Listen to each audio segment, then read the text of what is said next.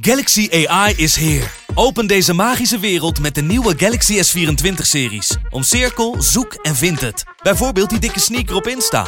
Of omcirkel een foto van een gerecht en vind meteen het recept. Op zoek naar wat liefde over de grens? Met ChatAssist als tolk is jouw liefde grenzeloos. Maak vlijmscherpe foto's en bewerk ze als een pro. Met Photo Assist verwijder je al het ongewenst uit je foto, zoals lelijke reflecties of je ex. Bestel de Galaxy S24-series nu op samsung.com. Vechtersbazen wordt mede mogelijk gemaakt door Unibed. My balls was hot It was super necessary. Who the fuck is that guy? because I want to fuck. I want to fight with Chuck. That's your job, but where I come from, you know, people like that get slapped. I'd like to take this chance to apologize to absolutely nobody. Hey, I'm not surprised, motherfuckers. This belt don't mean nothing, man. Just be a good person. That's it. Shit. Oh, y'all got pecan pie in this motherfucker too? Shit. Het is maandag 25 juli, tijd alweer voor aflevering 71 van de Gouden Kooi podcast. En tegenover mij, zoals altijd en vertrouwd, de enige echte, de man, de myth, de legend, de hurricane! Goedemorgen. Gilbert Eiffel. Kijk, ja, Trek je nou net het shirt aan of heb je die de hele tijd al aan? die heb ik de hele tijd al aan. Oh, serieus? Ik zag het helemaal niet. Ja, ja. Je ja. laptop zat Mijn ervoor. uh, Dat is souvenirtje heel uit Londen. Dat is stoer. Ja, Ja, dat is eh, de old fashion oude. de oldschool UFC logo. Oh, dat is heel stoer, ja. Ja. Eh, ja, die had ik al de hele tijd aan. Dus Oh, dat, was natuurlijk afgelopen weekend, de UFC Londen. Wij waren daar de hele week met het productieteam eh, eh, op locatie. Was ook helemaal te gek. Zaterdag live uitzending gedaan. Daar Cage met Marloes en Nessie, met Sander en Stefan. Gaan we het uitgebreid over hebben natuurlijk in deze uitzending. over wat daar allemaal gebeurde. En natuurlijk de anticlimax in de main event. Wat ook allemaal gewoon kut was, om het zo maar even te noemen. Maar verder was het wel echt een toffe avond verder. Maar daar gaan we het inhoudelijk verder over hebben. Maar even, hoe gaat het met jou? Fantastisch. Ja? Ja. Op schaal van 1 tot 10? 12. Geweldig. Het is goed. Voel me goed. Fit. Ja. Zitten hier zo. Het is lekker weer. Ja. Het is de hele tijd lekker weer geweest. We zijn gezond. Ja, wat wil je nog meer? Ja, Ja. ja. mooi. Maar ik word er altijd heel blij van. Ehm eventjes, oh, voordat we verder gaan. Het is natuurlijk roze maandag vandaag.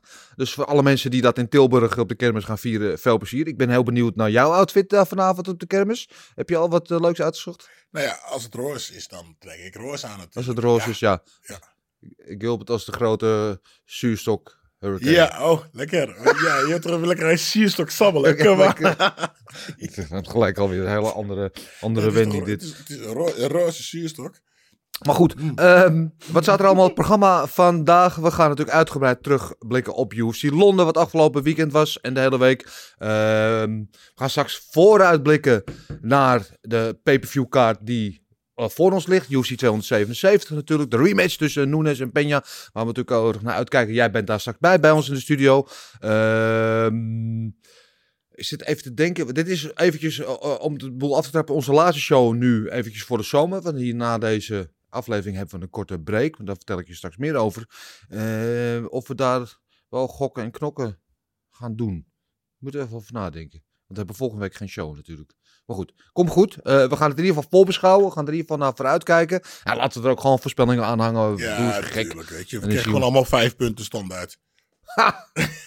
Dat komt helemaal goed. Uh, Marcel komt er straks natuurlijk bij, de derde man in deze boyband. Uh, we gaan eventjes proberen uh, contact te leggen ook met Stefan Struve. Die natuurlijk onze reporter in het veld was afgelopen zaterdag. Die daar alle vechters backstage heeft gesproken over wat hij allemaal ervan vond. hopen dat dat lukt. en natuurlijk de vragen behandelen. Van, we hebben veel vragen weer van onze trouwe volgers gehad. Dus daar gaan we uitgebreid bij stilstaan. Natuurlijk. maar laten we beginnen met het erbij halen van natuurlijk de missing link aan deze tafel. Uh, uh, via de, de Zoom-link uiteraard. Natuurlijk de man die uh, undefeated is op de Mean Street of Maastricht. De man die alles volgt. Onze wandelende Wikipedia-pagina die geen evenement mist. Van Snake tot Sydney en alles wat ertussen zit. Dan heb ik het ook over de enige echte Big Marcel Dorf. Marcel, om te beginnen, gefeliciteerd, want je was gisteren jarig. Ja, dankjewel, dankjewel. Ja, nog wat leuks gedaan met je verjaardag? Nou, familie is langs geweest en zo en vrienden. Dus, ja. Uh, ja. ja. Nogmaals, is dat leuk of niet? Jawel, als het niet leuk was, had ik ze niet uitgenodigd. Dus, eh. Ja, nee, ik weet niet hoe jij bent met je familie. Niet iedereen nee, ik is ben goed altijd met mijn je familie. te zien. dus, maar- eh, is goed. Oké, nou, daar ben ik blij om. Eh, eh, een beetje uitslapen of heb je het heel bond gemaakt? Hetzelfde als altijd eigenlijk. Hetzelfde als altijd. Ja, ik weet Dat is geen antwoord. Ja, Dat is geen antwoord. Nou, je, je, je ben rond een uur of half vijf, vijf uur gaan slapen. Dus. En toen is zijn, zijn jou, is de familie weggegaan? Of Nee, familie was al weg, joh. oh, dus je bent die eentje nog even zitten feesten. Ja, ja. Oké, oké. Ja, ik weet niet, Brabantse nachten zijn lang, zeggen ze. Ik denk misschien zijn Maastrichtse nachten wel nog langer, maar... Ja, ligt er maar aan met wie je bent, denk ik. Dus eh, nee, gaat wel. Oké, het gaat wel, gelukkig. Nou, laten we het eh, eh, over business hebben.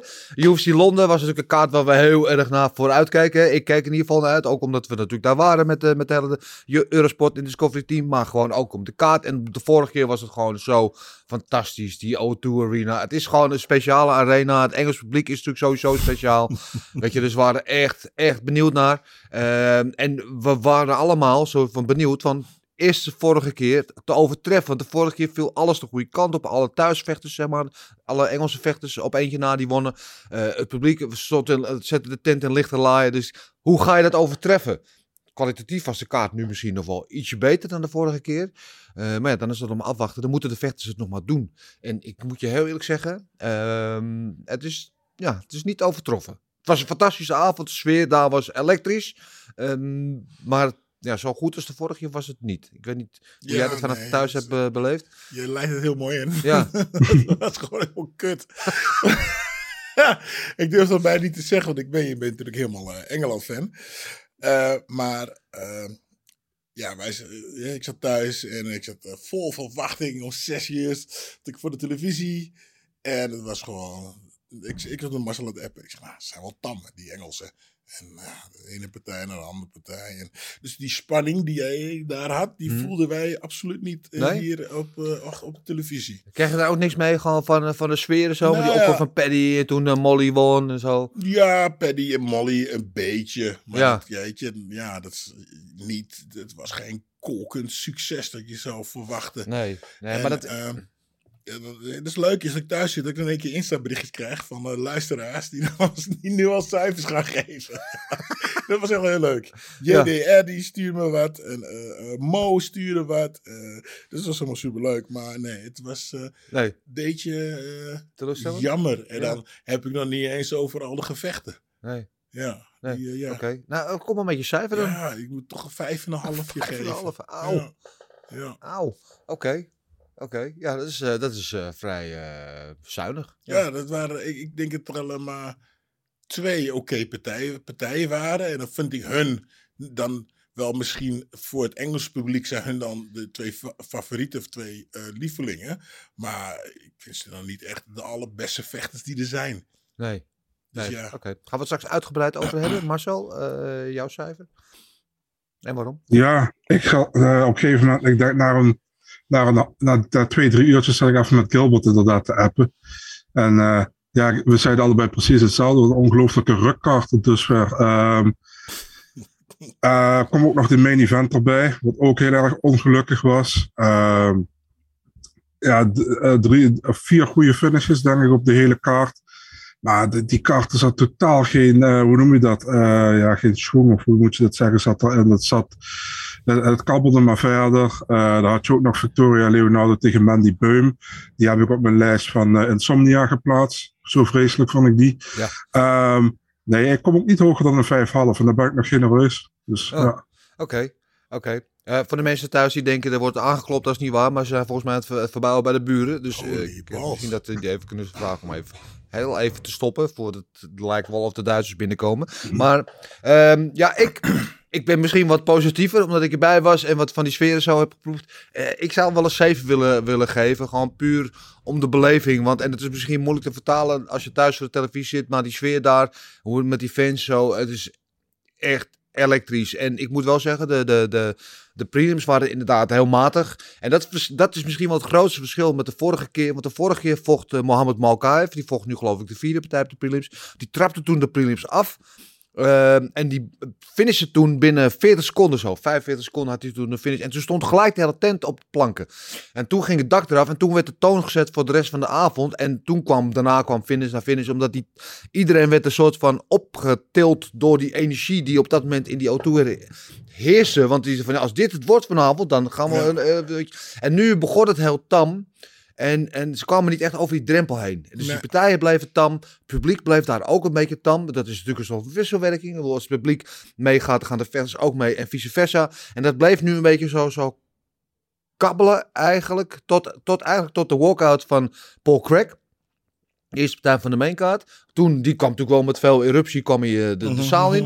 Eh, maar die partij was weer heel Ja, lam. Ja, dus daar gebeurde niks. Dus toen, toen daalde de energie gelijk weer.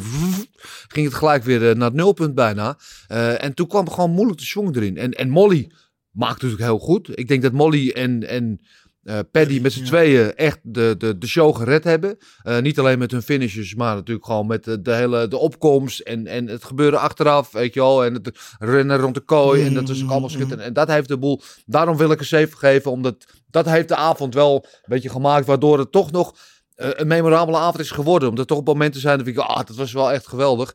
Ehm, maar die main event, wil ik even zeggen, toen Tom Espinol, en laten we dan daar gelijk mee beginnen. Ehm, dat gebeurde dus ook onfortuinlijk. Het is gewoon, niemand kan er wat aan doen. Weet je wel, we staan opkomst, dat is ook geweldig. En, en dan gebeurt dat na 15 seconden in de partij. En, eh, en dan zie je dat hij daar ligt en dat hij heel veel pijn heeft. Mhm. Dat het echt gewoon helemaal goed mis is. Dan weet je al meteen ook van, dit gaat niet meer goed komen. Eh, en de O2 Arena was, je kon een speld horen vallen. Het was muis en Mhm, muisstil. mhm, Iedereen zat daar met ingehouden adem, zaten ze daar te kijken en geschrokken van wat is er gebeurd met onze held. En Mhm. ja, het meest eh, anticlimactische wat je maar kan voorstellen, wat kan gebeuren met zo'n avond. Want ehm, gebeurt dat niet en hij slaat bijvoorbeeld Blaze eh, kort in de eerste ronde, noem maar wat, weet je wel. Dan hebben we allemaal, het is een tien, want dan gaan we natuurlijk met Hosanna en, en jubelgevoelens verlaten we die avond weer, omdat die tent weer op de kop staat en iedereen, Tommy, Espinel. Ja, en nu, en nu gebeurt het tegenovergestelde. Dan blijf je gewoon met een kaarten zitten voor de tweede week op rij. Zeg eerlijk, en dan is... Ja. Oh, kut de kut, sorry. sorry, pardon. Heb je een traantje weggepinkt toen eh, Tom daar lag? Ik moet je heel eerlijk zeggen, mijn hart sloeg, ik, ik, ik stond wel even stil, ja. Ik, geen traantje weggepinkt, maar je, je voelt gewoon, eh, kijk, je gunt, dat gun je niemand. Weet je, zoiets. En, en, en ik hoop, je zag achter, achteraf foto's van hem dat hij een biertje zat te drinken met Curtis Blades en dat hij aan het lachen was. Dus nou, dat, dat geeft je weer een beetje hoop. Mhm. Op dat moment, en, en we weten natuurlijk nog steeds niet hoe ernstig het is, eh, maar je houdt je hart vast. Want het is natuurlijk niet alleen voor hem is het een persoonlijk drama. Dat je natuurlijk maanden aan het voorbereiden bent van de partij dat zo eindigt. En je weet niet hoe lang hij eruit is. En of hij nog wel op zijn oude niveau komt, et cetera. Maar het was ook voor de divisie was het een hele belangrijke wedstrijd. Want hij is een van de aankomende talent, aanstormende talenten. Straks over een maandje hebben we natuurlijk Cyril Gaan tegen Tai Tuivasa. Dat zou natuurlijk dan de twee topcontenders moeten zijn. Die dan tegen elkaar zouden moeten gaan. Stel dat ze hadden allebei hadden gewonnen. Of in ieder geval had het ergens toe geleid. En nu is dat eigenlijk heel abrupt tot de stop gekomen. Weet je, nu zullen we het nooit weten. Blaze heeft dan wel gewonnen. Maar het is... Ja, ik moet zeggen, eh, eh, Tom liep wel even op een, meteen op een stoot. Hij kreeg meteen een restje direct op zijn kin. Ja. En eh, eh, twee keer volgens mij zelfs. Ik dacht, oh, rustig, grap, rustig. Daarna zat hij er wel eh, goed scherp zat hij erop. Maar eh, ik denk dat het een anders knalpartij was geweest. Ja. Blade, eh, Blade was ook wakker. Ik had heel veel zin in deze partij. Ja. Blaze was ook groot. Ik heb hem bij ons in de interviewroom gehad. Hij zag echt nog wat zwaarder dan normaal, groter dan normaal uit. Ehm, ja, het is zo onvertuidelijk, man. Het is echt zo onvertuidelijk. En, en, en inderdaad, mijn hart gaat uit naar Tom Espinol en iedereen die bij hem betrokken is. Want ja, zo wil niemand, weet je wel, dat gun je niemand. En, en ook voor Blades is het gewoon kut natuurlijk, want die wil ook niet zo winnen. Nee. Weet je, die heeft nou, ja, die krijgt nu wel eh, een, een, nou, laten we eerlijk. Daar, een groen die vinkje achter zijn Die naam. wil niet zo winnen, maar stiekem toch wel. Nee, want je haalt er geen bevrediging uit. Nee, dat klopt. Je hebt niks kunnen laten zien. Het vertelt je niks over waar je staat. Het is ook een, testmoment. Eh, je kan geen statement maken. Je kan er helemaal niks mee. Je hebt geen euforie in het moment. Je staat niet te twee kanten juichen. op. Aan de ene kant, je wilt natuurlijk... eh, de beste partij is eigenlijk dat je elkaar helemaal de kop in elkaar slaat en dan wint. Maar soms in één keer als iemand uitvalt, is het ook wel lekker. Ja. Als vechter zijnde. Ja. ja, het is gewoon... Het- soms zijn de MMA-goden gewoon onvergeeflijk. Dat nu twee main events achter elkaar dit gebeurt. Vorige week had natuurlijk Brian Ortega Ja. met zijn schouder uit de kom. Ehm, eh, weet je, waardoor we die partij, waar we ook heel veel zin in hadden. Maar, maar, laat even eerlijk zijn. We de laatste vier, daarvoor drie, vier waren gewoon geweldig. We hebben geweldige UFC's gehad. Ja. We hebben knallende partijen gehad. Zeker. Dus ja, weet je, ze- Zeker. even kut de kut. Ja. Maar, eh, Ja. Weet je wat ik ehm me af zat, wat ik zat te bedenken? Dit was gehold als een beetje als een nummer 1 contender fight. Of in ieder geval, weet je, degene die wint gaat daarna voor een, een title eliminator of misschien wel voor een interim belt. Vorige week gold als een nummer 1 contender fight. Mhm. Weet je nog, de vorige daarvoor, eh, die we recent hebben gehad, tit- eh, title eliminator of nummer 1 contender fight? Nee. Dat was Rakis tegen Blachowicz. Weet, weet je nog wat daar gebeurde? Raakjes, oh ja, dat was een partij van, van, van het jaar. Nee, dat Rakic eindigde ook zo, dat Rakic eh, zich blesseerde. Rakic, Blakkevic. Ja, Rakic. dus er is iets heel duizends aan de hand. Oh, oké. Oh ja, ja, ja. Ik, zit, ja, ik heb het Ja. verkeerde voor me. Rakic, Blakkevic. Wat gebeurde er weer? Ja, die zakte ook door zijn knie, toch? Wat is het? Ja, hij was ja, onvertuinlijk in ieder geval. Ehm, Er zit wat in het water. Er zit wat in het water. er zit wat in het water. Ja, de MMA-goden die zijn eh, soms ook gewoon, hebben soms hele sinistere humor, eh, denk Ja. ik. Marcel, wat, eh, wat is jouw take op dat hele gebeuren met, eh met, Blach, eh, dus met Blachowicz, met Blades en met eh Espinol? Ja, heel triest man. Ehm, ja, 15 seconden. Wat, wat kun je daar meer over zeggen? Ik vond het vooral. ehm, ja, ik vond het heel triest voor Aspinall. Ik vind Aspinall iemand. eh, een opkomende vechter. Maar niet alleen in de kooi zie ik hem graag vechten. Maar ik vind ook buiten de kooi een heel sympathiek iemand. Althans, zo komt hij over. En eh, ik vind hem ook. ehm, hoe zeg je dat? Ik, kijk, als je, als je iemand. eh, iets gunt, vind ik Aspinall wel iemand die ik wel echt iets gun. Weet je, hij komt echt goed over, ook in interviews. Interviews wat ik met jou heb gezien eh, van, van vorige week. Ehm, gewoon nog, een- nog een jonge gast in die divisie. En eh, hij, hij praat echt, ik vind hem heel goed praten ook. Eh, gewoon heeft een complete pakketje heeft hij eigenlijk. Weet je? Ja. En eh, als je dan ziet dat hij eh, ja, zo eraf gaat. En hij, je zag, ik had echt het idee dat het een ernstige blessure was. Op de manier waarop hij reageerde vooral. Weet je, dus eh, kijk, normaal als je geblesseerd bent en, en een, je hebt niet echt het idee van het kan langdurig zijn, voor mijn gevoel. Dan reageer je anders. Maar hij zat echt compleet, je zag echt compleet zijn gezicht. Hij, hij was ook aan het huilen, weet je. Ja. Van, hij zat echt in de put. Dus ik, ik hoop dat, dat het enigszins meevalt. Maar ik vrees er wel voor. Maar Ja. eh, heel, hele vervelend, heel vervelend einde voor, Ja. voor, van, eh, van het main event. Ja. Eh, je zag ook aan Blades dat hij zoiets had van... ja, wel gewonnen, maar ja, hij klootte gewoon. Want ja, hij komt ook naar... Hij komt helemaal vanuit, vanuit Denver. Komt hij naar, naar Londen toe om iets te laten zien. En na 15 seconden ben je klaar, weet je. Ja, nou, En- dat is het al. Hè? Even een vraag. Hè? Ja. Vorige keer hè, trok eh dingen zijn arm weg. Ja. Arm uit de kom, daar hadden we het erover. Hè? Hoe is het gekomen? Zou het nu zijn omdat, eh omdat Blades het zo goed blokte? Of... Wat er gebeurde is, Ba- Bas Pijnenburg, hè, de Nederlandse orthopeed, ja, je kent hem uiteraard ook goed, die eh, eh, veel met, eh, met topsporters en ook veel met vechters, topvechters heeft gewerkt. Eh, eh, die zat cage en die was ook, stond ook in de kooi bij hem, die was gelijk bij hem.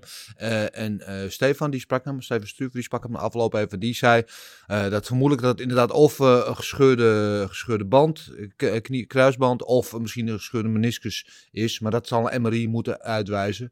Maar ja, als dat is, dan is het gewoon inderdaad, eh, nou ja, 6 tot 9 maanden, dan ben je, dan ben je zoet. En dan nog weet je, dan weer terugkomen, zeg maar. Eh, ja, dus dat zou, eh, dat zou echt heel onvertuinlijk zijn. Maar, Grap- grappig is, even tussendoor, Bas Pijnenburg. Ja. Ik vocht tegen Ray Servo, scheurde ik mijn kruisband af. En ik raden wie mij daar heeft bijgestaan. ja, Bas, Bas Pijnenburg. Pijnenburg. Ja, Ja. ja. En, en ben je er toen weer helemaal bovenop gekomen? Ja, Ja, ja, ja, ja je zit hier. Ah, kijk ja. eens eventjes, ja. Ja, Ja. nee, ja, ja, ja. Kijk, ik heb trouwens nooit geen operatie gehad. eh, wat Bas toen zei, eh, wat je kan doen is of opereren of je bovenbenen sterk maken. Want je bovenbeenspieren die vangen dan die knie op. En dat heb ik gedaan en ik heb er in principe geen last meer van. Nou ja, dus daarom. En, en Tommy Espinol is ook nog jong. Dus hij, heeft, hij kan er in principe gewoon helemaal van terugkomen. Dus het is hooguit een hobbel. eh, die zijn, eh, ja, hoe zeg je dat? Opkomst en zijn, zijn trip naar de top wat vertraagt. Maar dan, hij kan er nog steeds komen. Het enige. Ehm, wat ik me afvraag wat het mentaal met hem doet. Want ik, ik sprak hem onlangs over. Want hij heeft eh, nu ook in deze voorbereiding weer met eh, Rico Verhoeven getraind. En met Benny Adekboei. En met hun coach Dennis Krawel. Die natuurlijk gewoon uitstekende tacticus, hele goede trainer is.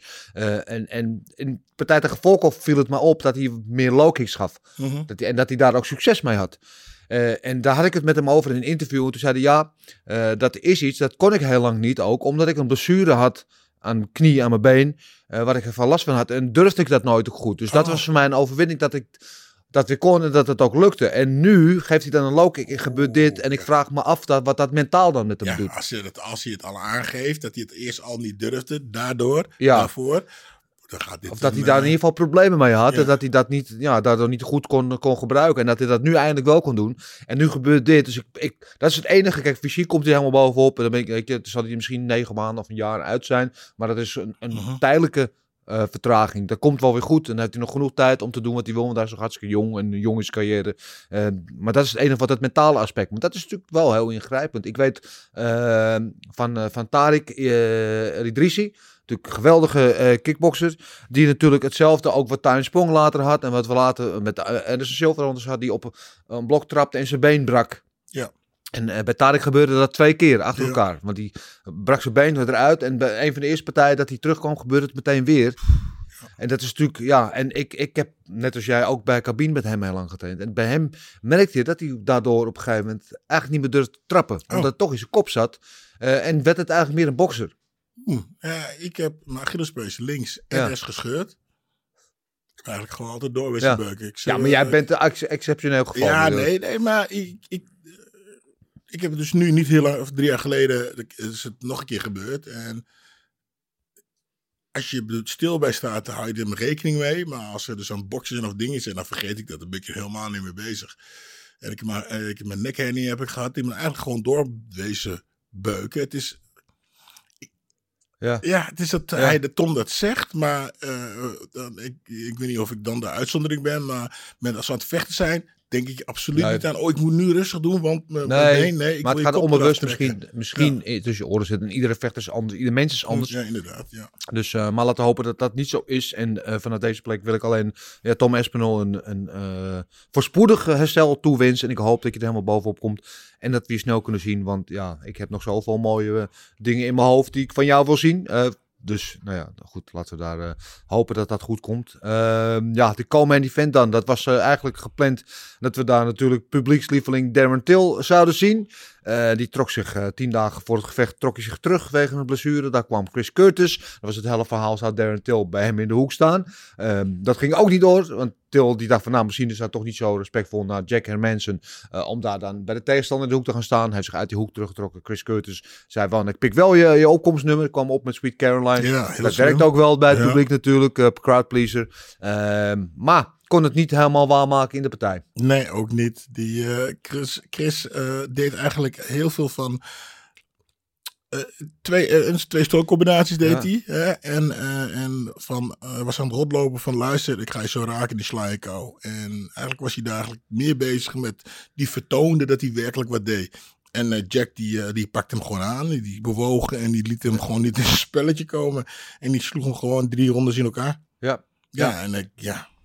Ja, waar Chris Curtis ook heel goed in is, hij is een heel, heel goede bokser. Dat is zijn sterke punt. En we hebben vorig jaar gezien dat hij ook goede takedown defense heeft. En ehm, we weten van Jack Hermanson dat hij goede ground game heeft. Een goede worstelaar is. En ik denk dat Curtis, en ik trouwens ook, wel wat meer takedowns had verwacht van Hermanson. En hij maakte eigenlijk, in de derde ronde maakte hij één poging op de takedown. Was eigenlijk de enige keer. Voor de rest hield het helemaal staand. En ik denk dat hij daardoor een beetje verrast was. Maar ook, eh, Curtis is natuurlijk een goede bokser. Die heeft goede head movement. ehm, en zet veel volwaartse druk. En elk, alles wat Hermanson deed, elke keer als hij volwaartse druk zette, ving hij hem op met die trappen. En ja, ik vond het een beetje teleurstellend. Maar goed, het is ook een gevecht op tien dagen notie. hè. Mhm. Dus dat is natuurlijk een verzachte omstandigheid. Maar ik vond het wel een beetje teleurstellend dat hij dan drie ronden de tijd heeft om daar iets op te bedenken. En dat dat niet lukte. Nee, Dat hij hetzelfde bleef doen en hetzelfde resultaat bleef krijgen. Dat, is, eh, dat ja, was zonde. En de mensen, deed, gewoon, ja, die voerden zijn gameplan goed uit. En die kan je verder niks verwijten. Het was misschien geen spectaculaire wedstrijd. Maar eh, hij wilde ook wel weer eens een keertje winnen. Eh, dus ja, goede zakelijke overwinning voor hem toch? Volgens mij hadden we laatst ook zo'n partij. dat eh, er allemaal vanuit ging dat de tegenstander zou gaan shooten. En die deed dat niet. En die, ik weet niet meer wie dat was, maar diegene, hè? Ja, ja, ja. En diegene die bleef, eh, die, die was ja, zo, zo eigenlijk in shock over, die game, over de gameplan van die andere, gameplan van de andere, dat hij eigenlijk eh, niet wist wat hij eigenlijk moest denken en moest doen. En eh, dat was het Chris eigenlijk ook. Ja, het enige wat hij deed was, hij gooide steeds één of twee, eh, twee stoten. En Ja. eigenlijk verwachtte hij van, ah, ik raak je zo meteen wel. Ja. En dan is het over. Maar ja, Ja, dat maar die, gebeurde die, die niet. Fleury kwam er niet. Nee. Marcel Jacker mensen die gaat zich dan verontschuldigen naar het publiek. Hè? En dat is natuurlijk totaal ongepast in mijn ogen. Want dat hoeft helemaal niet. Volgt gewoon een goede wedstrijd, een goede overwinning. Maar hij is de gentleman en, en maakt dan de verontschuldiging naar het publiek dat hij het niet beter heeft gedaan. Eh, onterecht lijkt mij toch? Of, of, of vond je dat hij wel meer had moeten doen? Nee, ja, Jack Robinson was een beetje. eh, hij zat nu een beetje in de rol wat Sean Strickland tegen hem had. En Curtis zat in de rol van Hermanson, wat Hermanson tegen Strickland had. Dat, ze, dat, dat gewoon. Hermanson was gewoon beter, man. Deed, deed, het, deed het eigenlijk goed. En het was geen eh, spectaculaire partij, maar ja, Hermanson wilde winnen. Ik denk het meest spectaculaire was na het gevecht tussen tweeën, dat ze ruzie kregen met elkaar. Ja. Ze zijn inmiddels weer eh, opgelost, heb ik Ja. begrepen. Ja. Dus Ja. ja, dat was een beetje apart. Maar ja, go- goede overwinning van Hermanson. En aan de ene kant, je kan het hem ook niet kwalijk nemen. Weet je, hij zou eerst tegen Darren Till vechten. Komt nu tegen Curtis. Hij, Hij had eigenlijk alles te verliezen. Hij Ja, had alles te verliezen in die partij. Dus eh, ja, hij heeft gewonnen. En het was een overwinning die hij nodig had. Dus eh, dat heeft hij goed gedaan, weet je. ja, ja, dat momentje met Curtis waar je het dan over had, was natuurlijk eh, dat mensen de laatste 10 seconden soort van wegrende, het gevecht vermeten, want die wist al het gewonnen had. En Curtis was gewoon gefrustreerd omdat hij niet Mhm. kon doen wat hij wilde doen en die deed toen dit. En dat vind ik dan weer het mooie ook, want de mensen is altijd gewoon een gentleman, weet je, is gewoon, kan je volgens mij gewoon bijna niet boos worden. En Curtis voelt zich daar achteraf ook een beetje schuldig van, sorry dat ik niet moeten doen. Hij is gewoon aardig. Het is, het is eigenlijk een lul dat hij zo aardig was, zo zei hij het. Ehm, ja, Chris Curtis vind ik een heel mooi vent. En, en, en natuurlijk een van de mooiste verhalen van het afgelopen jaar. Dat hij eigenlijk in de UFC kwam. 3-0 eh, in korte tijd haalde. Eh, maar we hebben in dit gevecht denk ik ook heel veel over hem geleerd. Ook waar zijn beperkingen liggen. Ja. En dat als hij tegen de echte, want hun mensen is natuurlijk al grote gast ook, op middleweight. Eh, een goede allround MMA vechter, die is wel staand op de grond. En, en ja, daar komt hij dan toch wat tekort. Ja, het is eh, eh, volgens mij een heel simpel verhaal. Eh, twee, drie stoten en wegwezen. Want hij heeft gewoon tijd nodig om eh, wat te doen. Hij moet echt zijn voeten planten om wat te kunnen doen. En dan gooit hij één, twee stoten. En als je dan weg bent, dan weet hij eigenlijk niets meer wat, Nee. wat te doen. Nee, hij heeft maar één, eh, één methode. En eh, misschien is dat iets voor hem om in de toekomst aan te werken. Hij is ook al 35. Maar ja, je bent nooit oud om te leren, zou je zeggen. Eh, dat hij daar iets, ja, een, een, een plan B moet hebben. Want dat had hij nu niet. En daar, eh, dat kostte hem de overwinning in Londen. Maar goed, eh, al met al goede overwinning voor hun mensen. Maar goed, de showstealer was natuurlijk maar één man. Het spijt me Marcel, ik weet, jij hoort het niet graag. Maar de man die aan alle kanten de show stal. En met zijn gevecht, met zijn opkomst. En wat mij betreft ook met zijn speech achteraf, die wat mij betreft op het lijstje van nominaties mag voor Post-Fight Speech van het jaar, Paddy de Baddy. Ja, hij doet wat hij belooft. Het is gewoon, het is gewoon een fenomeen. Je kunt van alles zeggen over hoe goed hij wel of niet is en of het hype is of weet ik wel. Maar hij komt, hij zet de hele tent op, op zijn kop en je zou je bijna afvragen waarom niet hij headliner is of op zijn minst komen event deze, deze avond. Ik, eh, ik ben eigenlijk het leven met je eens met die dit eindspeech. Ja, Voor de rest vond ik zijn... vond je het niet zo? Nee, opkomst vond ik helemaal niet zo denderend. Ik Nee? vond zijn gevecht ook niet heel erg denderend. Heel eerlijk, sorry. Nee, dan, nee, Ja. dan denk ik toch, eh, dan ga ik nog liever naar, eh, eh, naar Meatball. Die vond ik...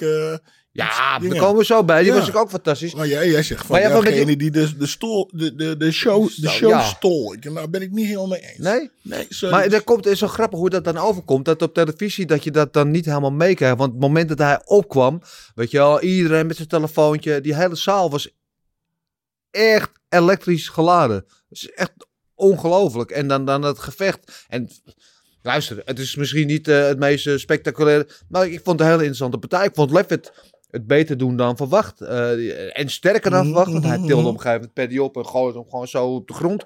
Eh, en, en maar Paddy nam het goed over. Want ja, ik had gedacht dat Levitt op de grond misschien iets het voordeel zou hebben over hem. Maar dat was helemaal niet zo. Nou ja, ik dacht eerst dat ik begin, oh, ik denk, nou, die, die, ik denk, bij die, die is helemaal niet zeker dat hij dit gaat winnen. Eh uiteindelijk draaide hij het wel om. Ja. Maar het was toch eventjes eh, meer kielen. Kielen, kielen? Ja. Zoals, eh Roemer of Ja, Marloes het het was, zou zeggen. het was eigenlijk die, die, die knieën, want vlak voordat Ja, hij zijn rug oh, pakte, gaf ja. hem een knie. En we konden Levitt zijn gezicht niet zien op dat moment, maar je zag aan zijn lichaamstaal Je zag zijn benen zakken. Hij zak door zijn benen. dat het hem wel wat deed. En toen pakte Paddy zijn rug en hoe hij dat deed, vond ik, vond ik echt fenomenaal. dat was natuurlijk super. Maar tot die. Het, was. het, de, de, de strijd was niet zo 1, 2, 3 gestreden. Nee, nee het was, eh eh, Levitt eh, verkocht zijn huid duur, absoluut. Eh, maar uiteindelijk gebeurt dan toch wat iedereen, al iedereen die Engels is in ieder geval, eh, hoopt. En dan eh, krijgen we natuurlijk een T-beker, zoals hij ook had beloofd. Ja, oké, hoort er allemaal bij. Ja, Maar maar, zo- ja, zoals ik net aan het begin al zei, er zijn twee mensen die dan, hè, dan niet, misschien niet de twee allerbeste zijn, maar Nee. die dan wel voor het Engels publiek dan de show redden. Ja, Marcel, ik eh, ben benieuwd naar jouw zeer eh, neutrale eh, mening over deze wedstrijd. Of je beste vriend. Ja, heel eigenlijk een vrij gelijkwaardige partij tussen twee middelmatige lightweights, vond ik. Ehm, en uiteindelijk heeft Paddy het goed gedaan, heeft hij gefinished. Zoals we allebei alle, alle, allemaal verwachten eigenlijk.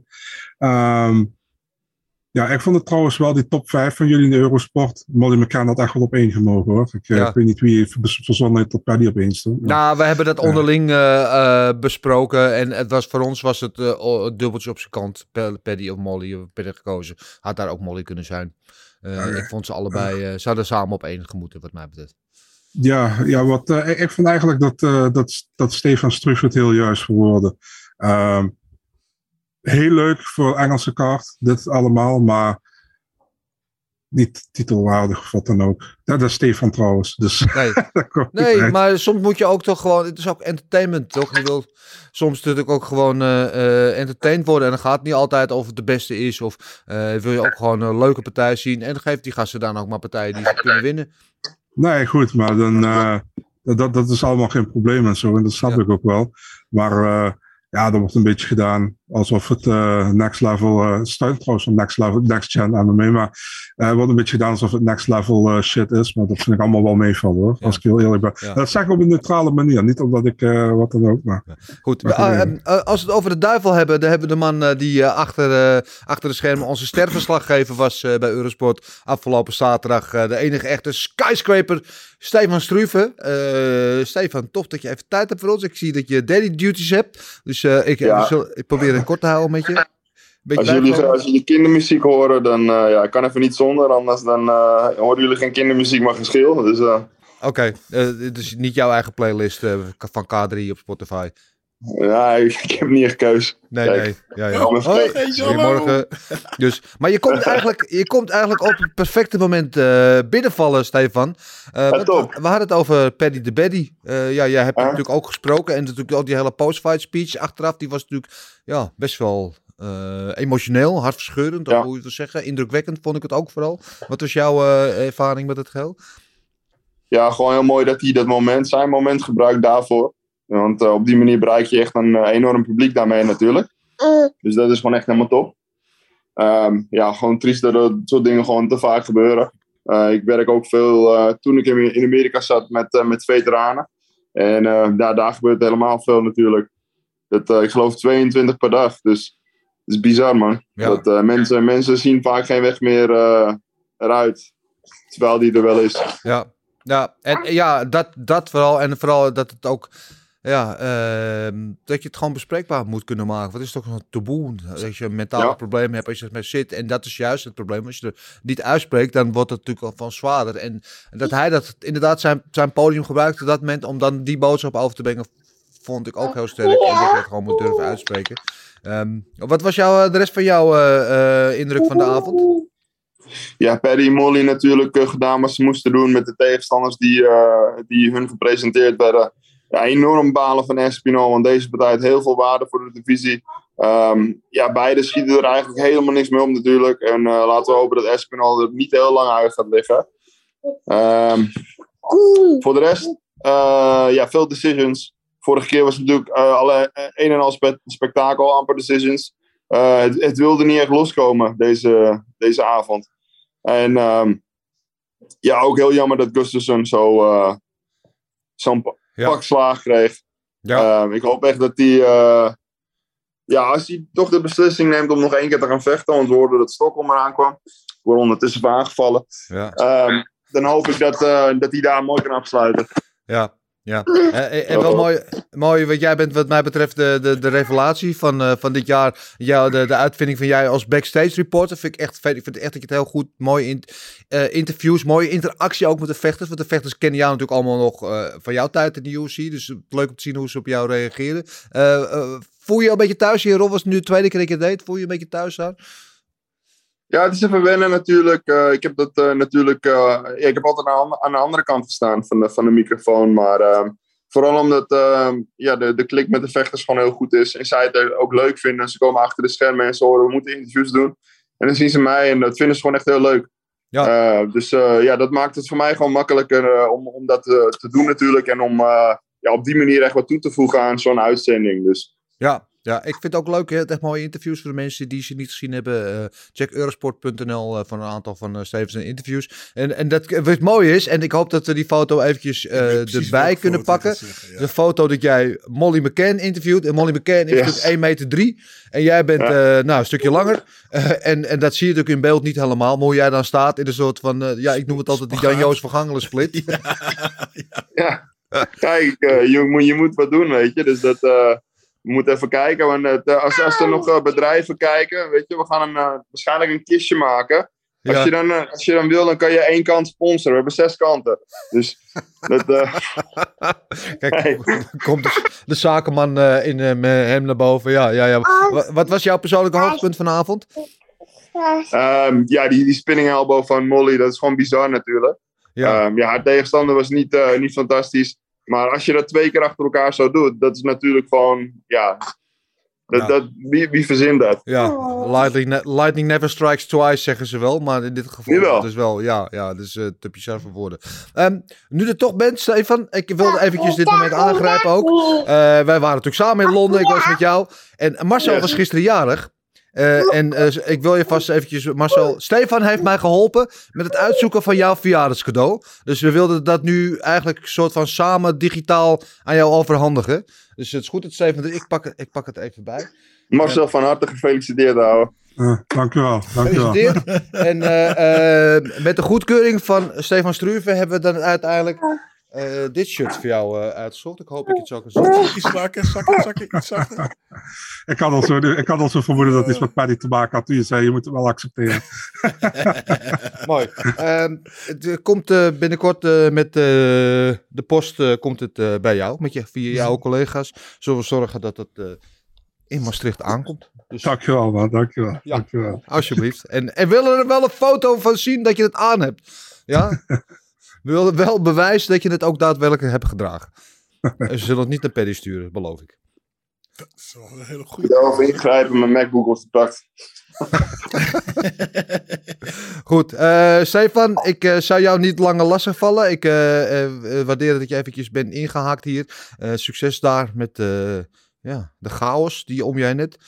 Ja, ik probeer het vandaag gewoon weer te overleven. Ja, Tot nu toe lukt het nog wel. Dus ja, ja je hebt eh, in de kooi eh, met eh, mannen van 120, 130 kilo gestaan. Ik heb het idee dat je dit ook wel overleeft. je, je zou zeggen, je hebt voor hetere vuren gestaan. Maar dit is toch een, een heel ander kaliber. Andere dit, is echt, sport. eh, dit is mentaal minimaal net zo zwaar. We duimen voor je. Pray Top. voor, pray voor Stefan. Succes. Tegen jullie. Dankjewel. Stefan. Spreek je. Doei. Ja, de enige echte skyscraper, eh Stefan Struve, mooi vent. En ik, wat, ik, kijk, ik heb natuurlijk gezien hoe eh, sommige vechters, dan weet je, dat, dat vorige hadden we toch Mohamed Ma- Mokaev, die daar eh, zijn debuut maakte UFC in maart.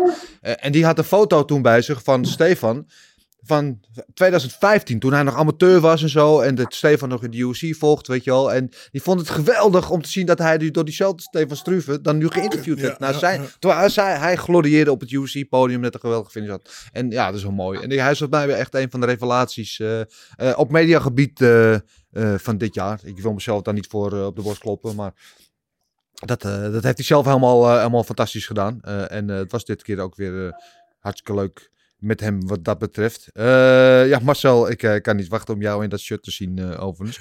Ehm, Stefan heeft zijn dingen nog aanstaan. Hij loopt nou in zijn onderbroek rond, mensen. nee.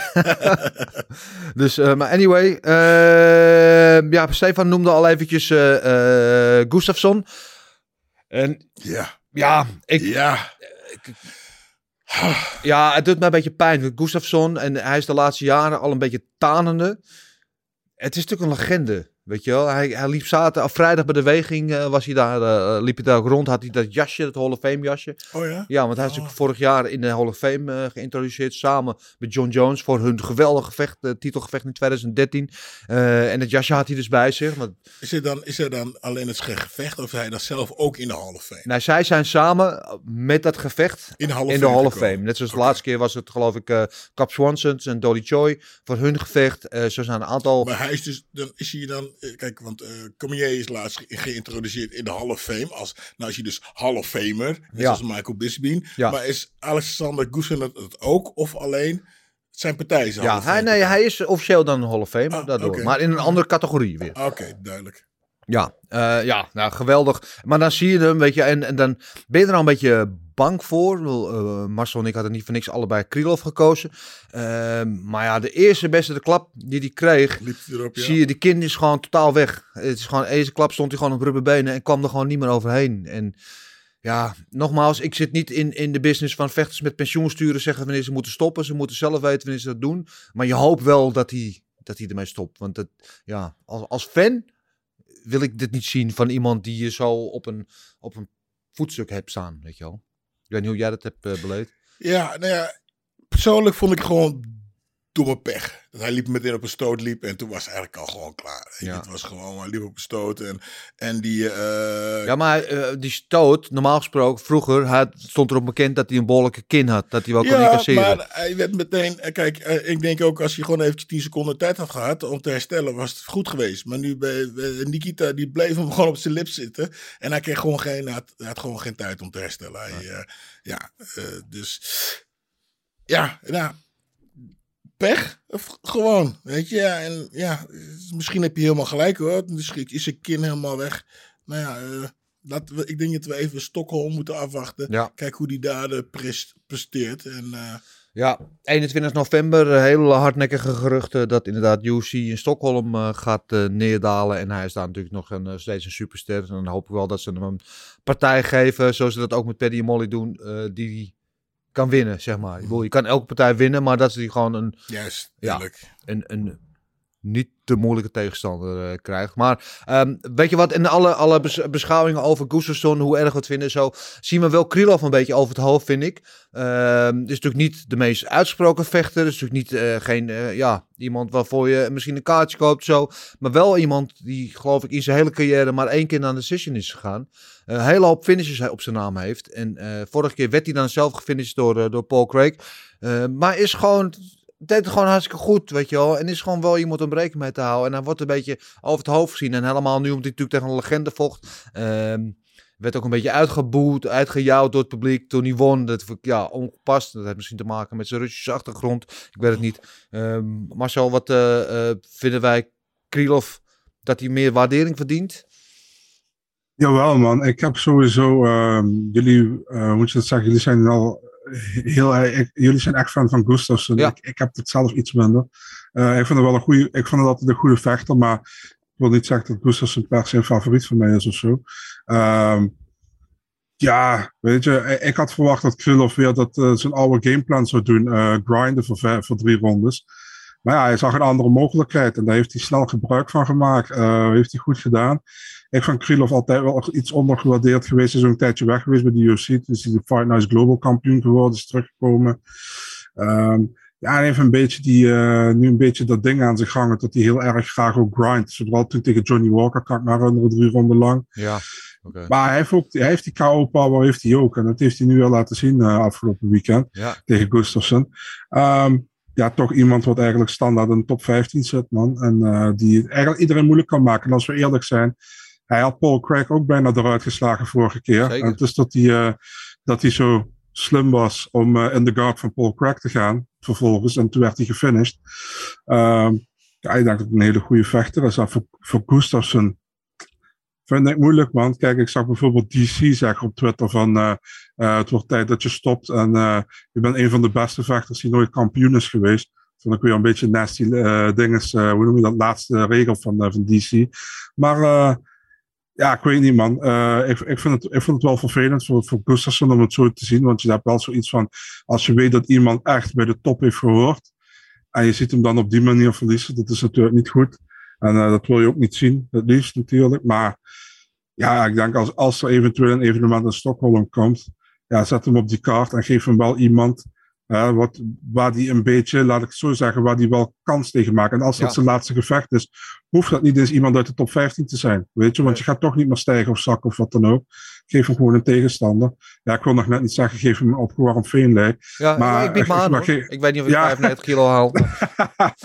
nee, maar ge- geef hem gewoon een goede tegenstander en eh, laat hem eh, waardig afscheid nemen. Ja, ben ik eh, helemaal met je eens. En props aan Krylov die het gewoon heel goed deed. Maar laten we het inderdaad doen naar de vrouw die misschien inderdaad wel op nummer 1 had moeten staan in die top 5. in ieder geval die samen met Paddy de show stal. En, en ze zijn een soort van onafscheidelijk ook. Hè. Ze horen ook bij elkaar. Je kan de een niet zonder de ander hebben eigenlijk. En eigenlijk wil ik ook vanaf deze plek gewoon voorstellen dat als de een op de kaart vecht, dat de ander ook. Dat ze niet zonder elkaar op elkaar staan. Dat ze gewoon altijd aan elkaar gekoppeld zijn. Een soort van double package. Als je mij neemt, moet je mij ook nemen. Want ze zijn onafscheidelijk. Uh, Jos en Jimmy, Jut en Jul, hoe je het noemen wil. Ik, ik vind het echt prachtig. Ik denk dat ze een eigen real-life soap moeten hebben. Want volgens mij lig je helemaal in de deuk als je het kan verstaan, wat ze allemaal zeggen. Ja, dat- dat Maar uh, ja, Molly met, natuurlijk met de opkomst al. Uh, prachtig mens ook. Ik heb er een paar keer mogen interviewen afgelopen week. Echt uh, een oprecht mooi en goed mens puur karakter.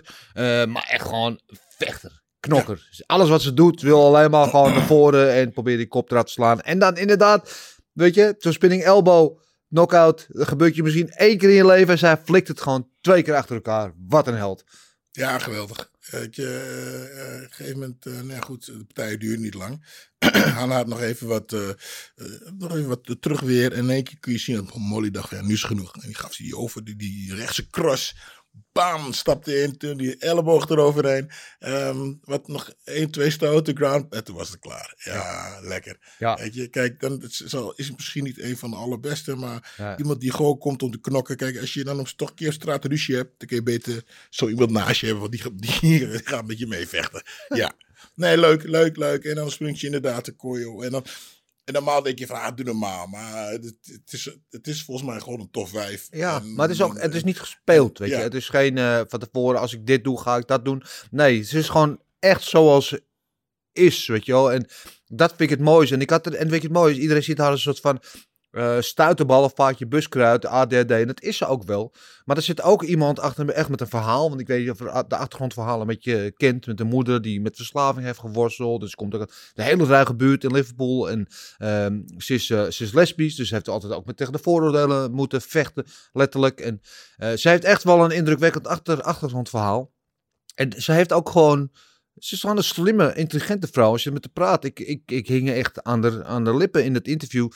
Um, ze heeft echt hele diepe filosofische gedachten en weet dat ook heel goed onder woorden te brengen. Dus het is meer dan wat je zit. Het is meer dan alleen maar gewoon een vaatje buskruid die, die, die ontploft. Maar er zit ook echt wel een gedachtegang achter. En dat, dat vind ik dan heel mooi om dat te zien. Maar op het moment dat het gebeurt, zoals afgelopen zaterdag, rond die kooi rennen in het pandemonium. En ze daar met die Paddy pruik en een fles whisky aan de lippen staat. Een shotjes ja. aan het doen is met Chandler en Joanna. Ik, uh, ja, ik heb van het ja, pandemonium, ik heb echt van genoten. Ja, ja uh, uh, Marcel, jij ook neem ik aan, toch? Ja, zeker. Kijk, Molly vind ik echt een hele, heel sympathiek ook overkomen altijd. Uh, dus ik, ik vind het haar van harte, weet je. Uh, ook in die interviews met jou, gewoon al, in de interviews algemeen. Uh, ik, ik hoor, ik hoor heel, sorry. The fuck. Ik wil heel graag praten. Ik vind het, uh, ik vind het altijd leuk om naar te luisteren. Ja. En uh, ja, ze is super energiek. Ja, ik bedoel ook die, dat interview nu voor de tweede keer met Marloes vlak na de weging. Uh, dat, ja. dat, ja, dat is gewoon fantastisch om te zien. Ik denk dat iedereen daar een lach van op zijn gezicht krijgt.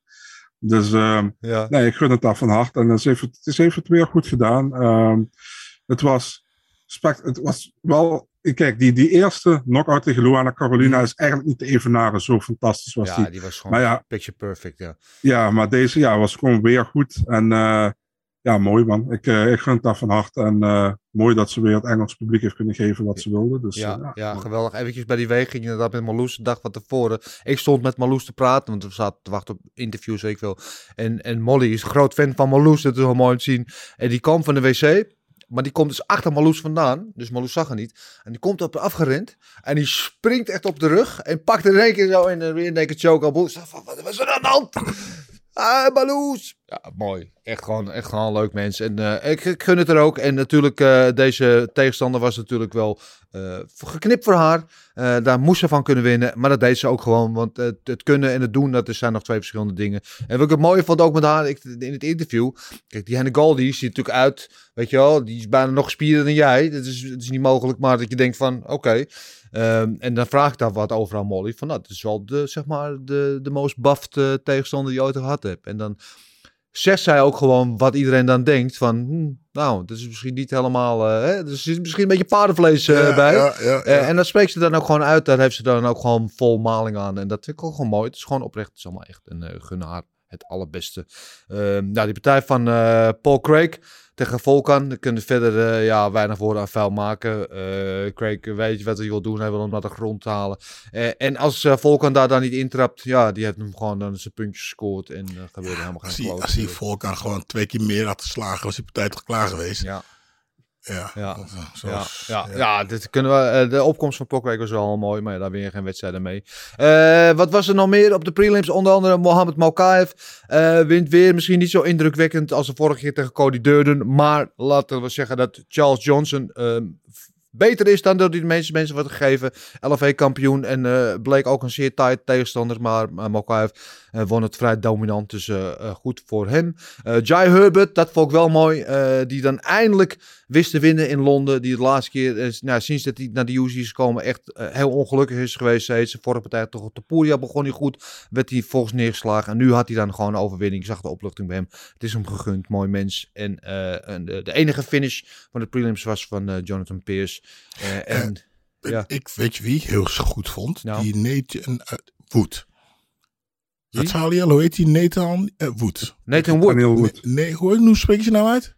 Nathaniel Wood. Nathaniel Wood, ja. Nathaniel Wood. Ik vond hem scherp, Ja. goed, goede vechter, man. Ik denk, ik weet het niet, maar ik denk dat, dat, een, eh, dat we daar eh, nog wat van over gaan horen. Wat was hij goed, man. Eh, dat was zijn debuut volgens mij. Eh, toch of niet, eh, Marcel? Nou, hij heeft al een stuk of vijf keer in de UFC. Echt waar? Oh, dan heb, Ja, heb ik het dan niet over een ander? Ja. Oh, ik dacht dat het zijn debuut was. Oké, nee, maar ik vond hem super, super goed. Nou, wel goed om, eh, dat we in ieder geval nog iemand hebben gevonden die jou kan bekoren. Weet je, ik- weet je ik ook goed vond? Nou, De afsluitende prelim, Ludovic, Ludovic Klein, Klein tegen tegen Mason Mason Jones. Jones. Ja, zeker. Heel Zeker. veel mensen hadden Jones verwacht. Ah, Klein deed het goed. Ja, Klein deed het heel goed. eh, perfecte gameplan. Dat leek in de tweede wo- ronde een beetje te gassen. Maar eh, eh, hij pakte zich nog eh, goed. En eh, ja, goede, goede overwinning voor hem. Eh, maar voor wat ik al zei, de prelims waren in mijn ogen vrij tam. Eh Mark Diakis, die natuurlijk eh, staand heel goed is. Maar sinds hij heeft uitgevonden dat hij ook eh, kan eh, worstelen, eigenlijk eh, alleen maar daarmee bezig is. Eh, pakte wel de overwinning, maar eh, ja, qua spektakel eh, liet het wat te wensen over. En eh, verder waren er weinig dingen die me echt eh, eh, konden bekoren op die, die make-up. Mandy Boom tegen Victor Leonardo. Die komt in de, in de Marshall Hall of Fame.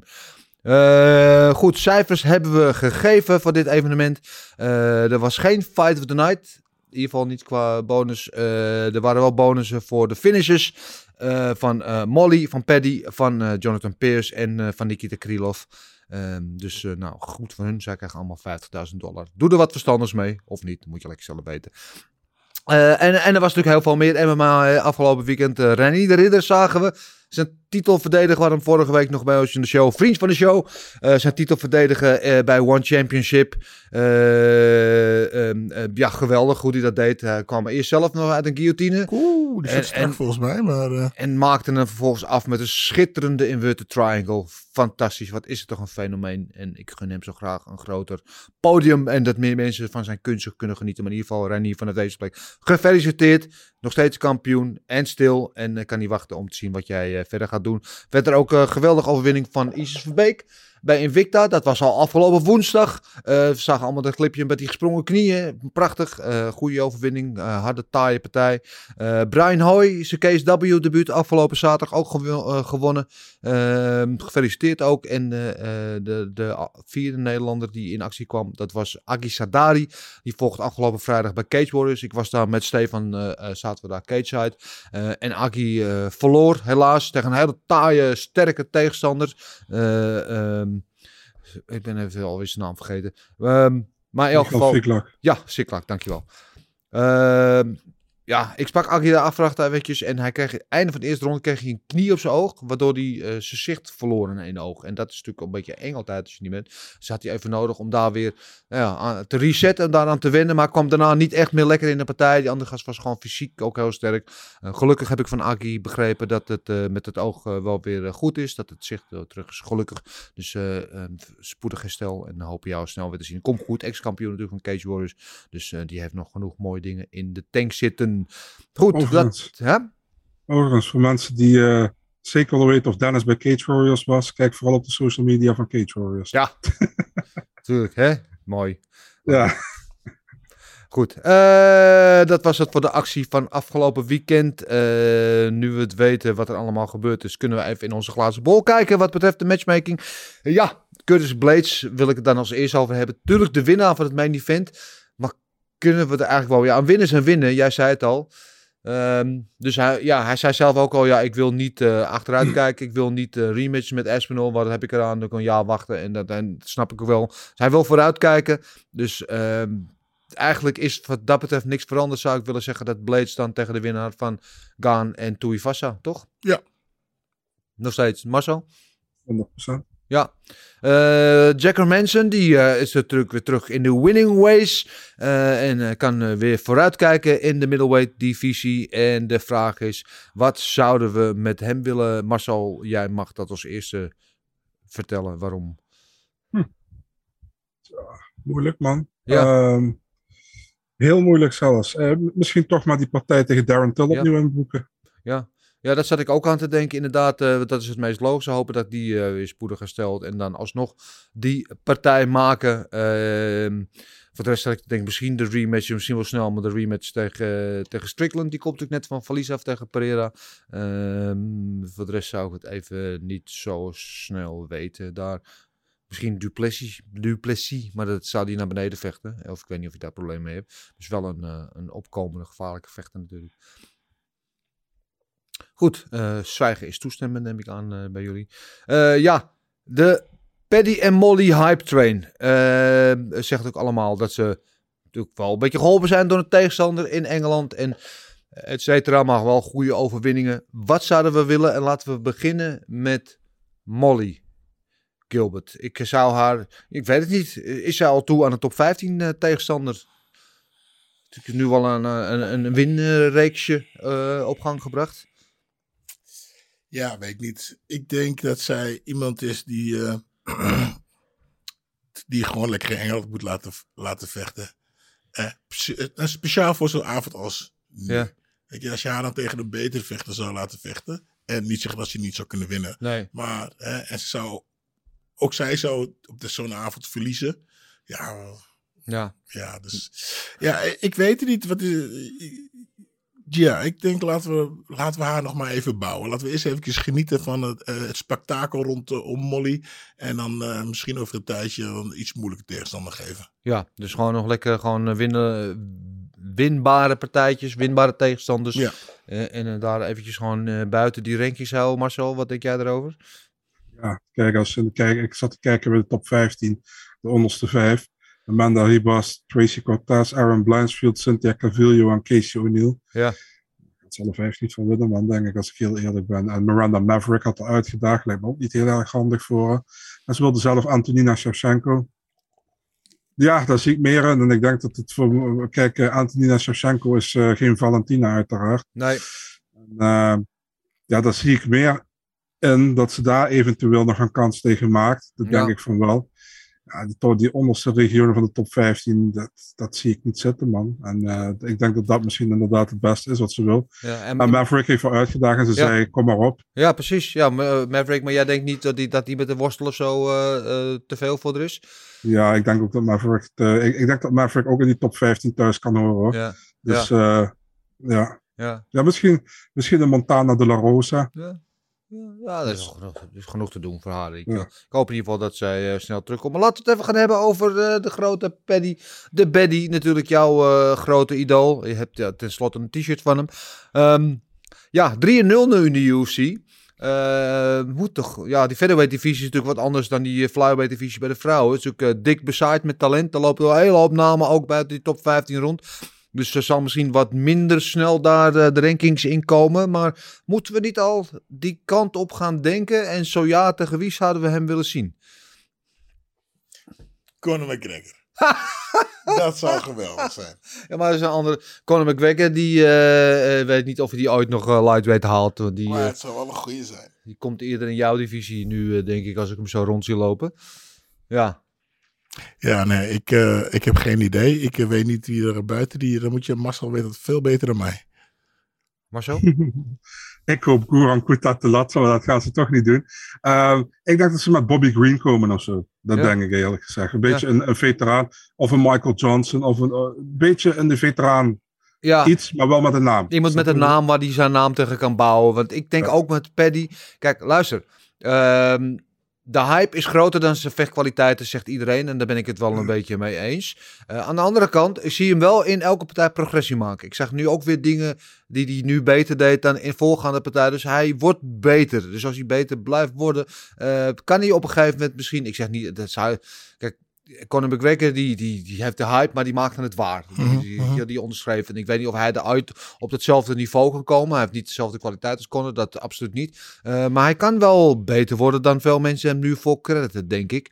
Dus wat dat betreft eh, eh, moeten we hem niet helemaal afschrijven. Maar voor nu denk ik van, laat hem die hype gewoon bouwen. Geef hem tegenstanders inderdaad met een beetje naam. Waar een beetje leuke voor eh, popcorn eh, toestanden hebben. Dus weet je wel, we kunnen genieten. En die die kan winnen. En laten we de, de hype een beetje in gang. Want je hebt de, de sport heeft dat scènes nodig. Weet je, we hebben een paar van dat gasten nodig die sp- eh, sportoverschrijdend zijn, noem ik dat. Die dus ook eh, buiten de sport, dus niet alleen de MMA-fans, maar gewoon bij het general eh, publiek, zeg maar, bij de mainstream mensen, ook denken van, hey, Paddy vecht. En dat heeft hij, want als Paddy vecht, Virgil van Dijk, Liverpool aanvoerder, die kijkt, weet je, de halve wereld kijkt, omdat ze hem gewoon wel interessant, grappig of controversieel, of wat ze ook van hem vinden, of ze denken over hem, maar ze, maar ze kijken wel omdat hij die persona heeft. Dus ehm, ja, we hebben dat soort mensen ook een beetje nodig in de sport om meer mensen naar onze mooie sport te trekken. En eh, laat hem daarom ook gewoon maar wat partijtjes winnen. Ik hoorde gisteren een suggestie en die vond ik wel geniaal. En die had die ooit, eh, Jake Paul, die had ooit gezegd van, die heeft van ik, ik wil in de UFC vechten, dan vecht ik gratis. eh mits jullie dan, uh, mits Dana White dan het de, de basissalaris. Eh, laat mij maar tegen Paddy de Baddy vechten. En ik zat te denken, het is helemaal niet zo'n gek idee. Zijn Want- hetzelfde gewicht? Hè? Nou, je, volgens mij is eh, Jake Paul veel zwaarder, maar Oh. die kan niet vechten. Dus laten ze ergens op een catchweight eh, Ja, ja, doen. En, eh, en het is ook geen serieus gevecht, maar wel een gevecht wat wel veel eyeballs trekt. Veel hype eromheen, veel eh, ge- gelul en alles eromheen. Ja, gaat nooit gebeuren, maar Ja, kan. ik zou het wel grappig vinden op zich. Maar zo blijft wijzelijk heel stil nu. Wat wil je dat ik zeg, man? niks, niks, niks, niks. niks. Goed. Eh, Oké, laten we het matchmaken voor wat het is. We gaan het over de vragen hebben. Eh, natuurlijk, te beginnen met eh, de OG-vraagsteller. Jan van der Bos komt weer tot ons via Twitter en hij vraagt aan ons... Paddy en Molly flikken het weer. Hoe ver kunnen zij komen in hun divisies? Ja, eh, ja ik ben... Een beetje een antwoord opgegeven. Volgens Ja, mij. hebben we al wel een beetje antwoord op gegeven. Eh, eh, het betekent dat Molly makkelijke route heeft om ver te komen in de divisie dan Paddy. Dat heeft gewoon te maken met de divisie dat daar gewoon minder talent is. Eh, maar ik moet het nog zien. Ja, ja vind het moeilijk. Ehm, hij vroeg zich ook nog, maar dat heb je eigenlijk ook al beantwoord over jouw gekste of heftigste blessure. Maar ja, ik hoorde je al gescheurde kruisbanden, gescheurde Oh, vroeg hij zo over mijn? Ja. Ja, over jouw ja, eh, bizarste of gekste of heftigste blessure in de, in de kooi. Ehm, de, een keer met trainen, dat mijn uh, Achillespees. Ja. Ehm, verder, eh, ja, ik heb eh, de toen tegen, eh, hoe heet die nou? Ah, shit, hoe heet die nou? Ehm, eh, in Affliction, maar ik heb één partij in Affliction gevochten tegen eh, Josh Bennett. Ja. En toen heb ik eh, drie ronden lang Elleboog gegeten. En ja. toen had ik een paar dagen, had ik een tijdje, voelde ik hier aan mijn jukbeen. Ik denk, wat is dat toch? En, ik, toen had ik dus een, scheur, zo, een klein scheurtje, die kon ik gewoon bewegen, apart van elkaar. Oh. En dat is, nou, ergste blessure. Ik had er niet Niet door. Ja, maar de zo zijn was gewoon gebroken. Maar ja, ja, eh ja oogkast een beetje gebroken. Maar eh, nee, uh, Achillespees een keer afgescheurd tijdens... Maar nooit tijdens een partij eigenlijk, Nee. nog nooit wat.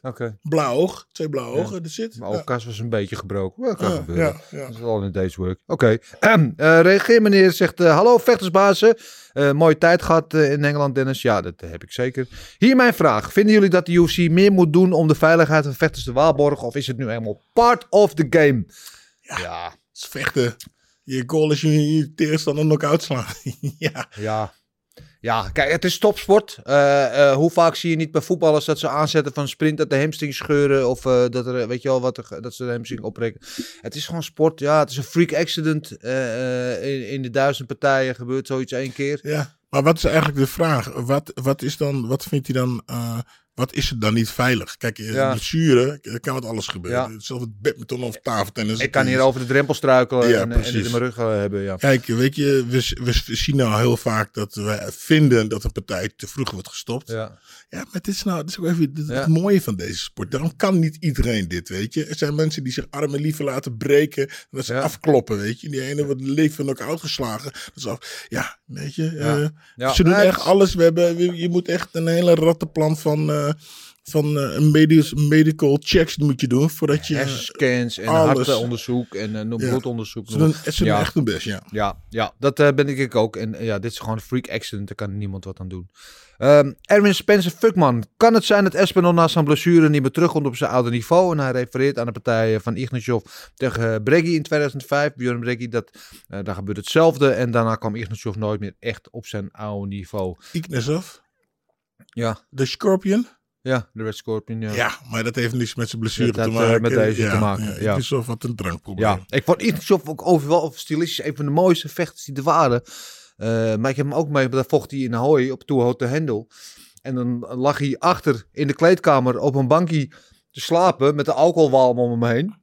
En dan vijf minuten voordat hij op moest, zei zijn coach, die schudde even aan. Dan werd hij wakker. En dan stond hij op heel langzaam. En dan deed hij echt letterlijk drie keer zo. uh, uh, uh, tegen de pet en dan ging hij de ring in. Dat was het. Want was, was hij gewoon dronken, stond hij in de ring. Ik denk dat Ignazov gewoon, als hij gewoon eh, dus eh, fit en niet aan zijn alcohol was geweest, gewoon de, de, de, de K1 gewoon de 5, 6, 7, 8, 9 jaar op een rij had gewonnen. Hij was zo goed. Prachtig. Och, Ja, Ja. zonde. Goed, eh, maar goed, eh, om antwoord te geven op jouw vraag, Erwin, we weten het niet. Maar eh, de kans is groot dat hij terug moet komen op zijn, eh, eh, die kan komen op zijn niveau. Maar het erover, mentale ding zal groter zijn dan het fysieke ding, want fysiek kan hij hier makkelijk overheen komen. Wim Verdoold kwam tot ons.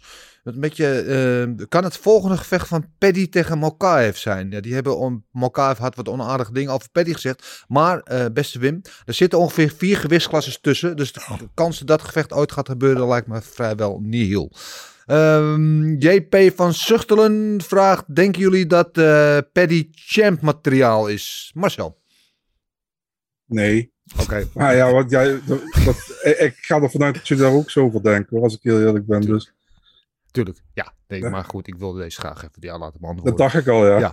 Eh, Francisco, eh, met een hele hoop cijfers. Francisco 19784. Wordt er niet te veel hype gezet op Molly en Paddy? Wilbert? Nou ja, niet op zo'n gala als eh eergisteren. Nee. Dat is gewoon, perf- was het, Ja. daar is gewoon perfect. En net als, we- zoals we net al zeiden, ja, weet je, geef je ze zwaardere tegenstanders, dan wordt het natuurlijk een, een moeilijker verhaal. Ja. Maar ik denk als je hun gewoon elke keer in Londen of whatever in, het, eh, in Europa laat vechten, dat ze Ja, moet je je niet in de Apex hebben, daar heb je er geen kut aan. Gewoon lekker met z'n tweeën op Engelse kaart of Juist. inderdaad eh, gewoon, ja, top. Ja. Dus we hebben, net ik net al zei, we hebben dat soort gasten nodig. Maar wel gewoon koppeltje. Dus niet de Ja. een nemen, de Ja. ander. Ze moeten altijd samen zijn. Anders eh, dan pikken we het niet. Eh, Bilal underscore 2064. eh, die heeft een vraag over Glory. Die zegt Jamal tegen Nordin Mahedin. Is dat niet interessanter dan Jamal tegen Benny? Ehm dat weet ik niet. Maar Dien vind ik een geweldige vechter. Hij had talentengevolle gast, maar is een beetje op en af. Hè? Soms winnen, soms verliezen. Is vrij kleine heavyweight ook. En ik wil die rematch Jamal tegen Benny best wel zien. Die hebben natuurlijk één keer eerder tegen elkaar gevochten in de finale van het toernooi. toen Jamal met die gebroken hand alsnog eh Benny knock-out. Maar Benny had toen al twee hele zware partijen achter de rug. Onder andere tegen eh Jafar. Eh, en ik wilde die partij best wel zien... gewoon zonder het toernooi. Gewoon dat ze allebei vers zijn, fit zijn. En er staat wat op het spel. Het is een nummer 1 contender partij. Dat is natuurlijk nummer 1 en 2 van de divisie. Dus ja, nee. Of 2 en 3 inmiddels. Maar Benny was heel lang de nummer 1. Daarna was Jamal de nummer 1. Nu is Plasibat de nummer 1. Maar ja, nee, ik, eh, ik wil deze rematch wel zien. Wat jij? Jij vindt het prachtig. Ja, ik vind het wel best. Laat ze maar gewoon lekker knokken. Nou goed. Kjell Broos, hoe haal je als vechter kracht uit tegenslagen? En daar bedoelt hij mee de, die geweldige post-fight speech van eh, Paddy Pimblett na afloop. Ehm, ja, Gilbert. Ja, dat is moeilijk. Ik zit erover na te denken. Ik denk wat, Pam, eh, Paddy waarschijnlijk gedaan heeft. Zo van, heeft dus aan zijn, zijn vriend gedacht. En ik- weet je, weet je, deze partij is voor jou. En ik vecht mijn hart eruit. Maar het is moeilijk. Ik weet zelf, een tegenslag. Ik, mijn eerste partij ik verlies tegen Bob. En nogmaals, en ik heb vaak gezegd, het is geen excuus dat ik verloren. Maar toen, het is mijn eerste partij dat ik, die ik verloor. Toen ontmoette ik mijn moeder. Oh nee, zou ik mijn moeder een paar dagen, zou ik mijn moeder een dag van tevoren zou ik mijn moeder ontmoeten. Ja. We zijn naar het Schiphol voor het eerst in 23 jaar. Oh. Ja. 22 jaar. Toen zijn we dus naar Schiphol gegaan. Ja. eh, wachten, wachten. Ze kwam ze niet. Nou, Ja. en, eh, ik verloor een partij. Ik was er gewoon niet eh helemaal Want jouw bij. moeder is Ik vanuit Haiti. Vanuit Haiti, ja. Ja. En de tweede keer dat mijn, eh, man, mijn manager, eh Jeroen Niekwes, die, Ja, die, van Code Glory. begin- ja, die ging een gegeven moment, die schoot twee mensen dood. En een week later... Maar niet in die week, toch? Nee, nee, Nee, nee. Die, een, een letterlijke week later Oh. vocht ik tegen, eh eh eh, weet je nou, die Russische Iko Vovchansky. Ja. Nogmaals, eh, ik zeg niet zeggen dat ik de reden was dat ik daarom de partij verloor. Maar dat ging, het ging heel snel. Ik, lag op, ik was hier niet helemaal bij. Dus eh, voor mij, ik ben waarschijnlijk dan een slappe. ik ga heel slecht met tegenslagen, eh eh, emotionele tegenslagen om. Mentaal, Ik- ja, ja. mentaal om, weet je, op die manier. Ik, ja, ik drijf daar niet op. Van, Ja, weet je, ik ben jij nam dat gevoel mee in de kooi, Ja, ik ja. denk het wel. En, eh, en sommigen worden er juist sterker om. Ja. ik, ik denk in een andere situatie zal ik misschien wel sterker zijn. Maar ja, ik, eh, ik persoonlijk eh, ben een hele slap op dat gebied. Maar ja, Paddy deed het, deed het dus juist heel goed. Ja. Ja. ja, weet je, hier is het mooi dat je dit zo aangeeft, hè? want heel veel mensen zeggen, ja, het is gewoon je werk en bla bla. Nee, maar vechten zijn ook mensen. Mensen hebben ook gevoel, hebben ook emotie. En eh, dingen die in je persoonlijke leven gebeuren, een overlijden of weet ik wel, iets tragisch wat gebeurt, wat dan ook, weet je, de grote teleurstelling, werkt door. Iedereen, dat werkt bij iedereen door, maar bij vechten ze helemaal, weet je, want eh, mensen onderschatten heel vaak eh, hoe groot eh, het mentale gedeelte van een gevecht is. En, en zit, je moet altijd in top, tuurlijk moet je in top fysieke conditie zijn, maar het mentale aspect is nog belangrijk, denk ik. Kijk, ik denk mensen die een tegenslag hebben, weet je, ja, ik neem een weekje vakantie van je werk of een weekje, een paar rustdagen. Of dit, maar dat, dat, dat, ja, wij moeten, wij hebben dan 15 minuten of 25 minuten Ja, die alles uitmaken. ja, Dan moet alles kloppen, dan moet Ja. alles perfect zijn. En het is niet zo van, ah, wacht eventjes, ja, nee.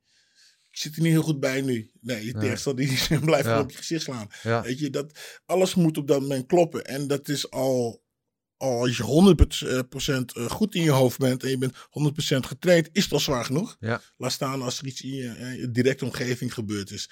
Ja, het is gewoon, eh, het, is, het is een men- mentaal spelletje, zoals Ja. je al zegt. Het is, eh, daarom is je niet voor iedereen weggelegd.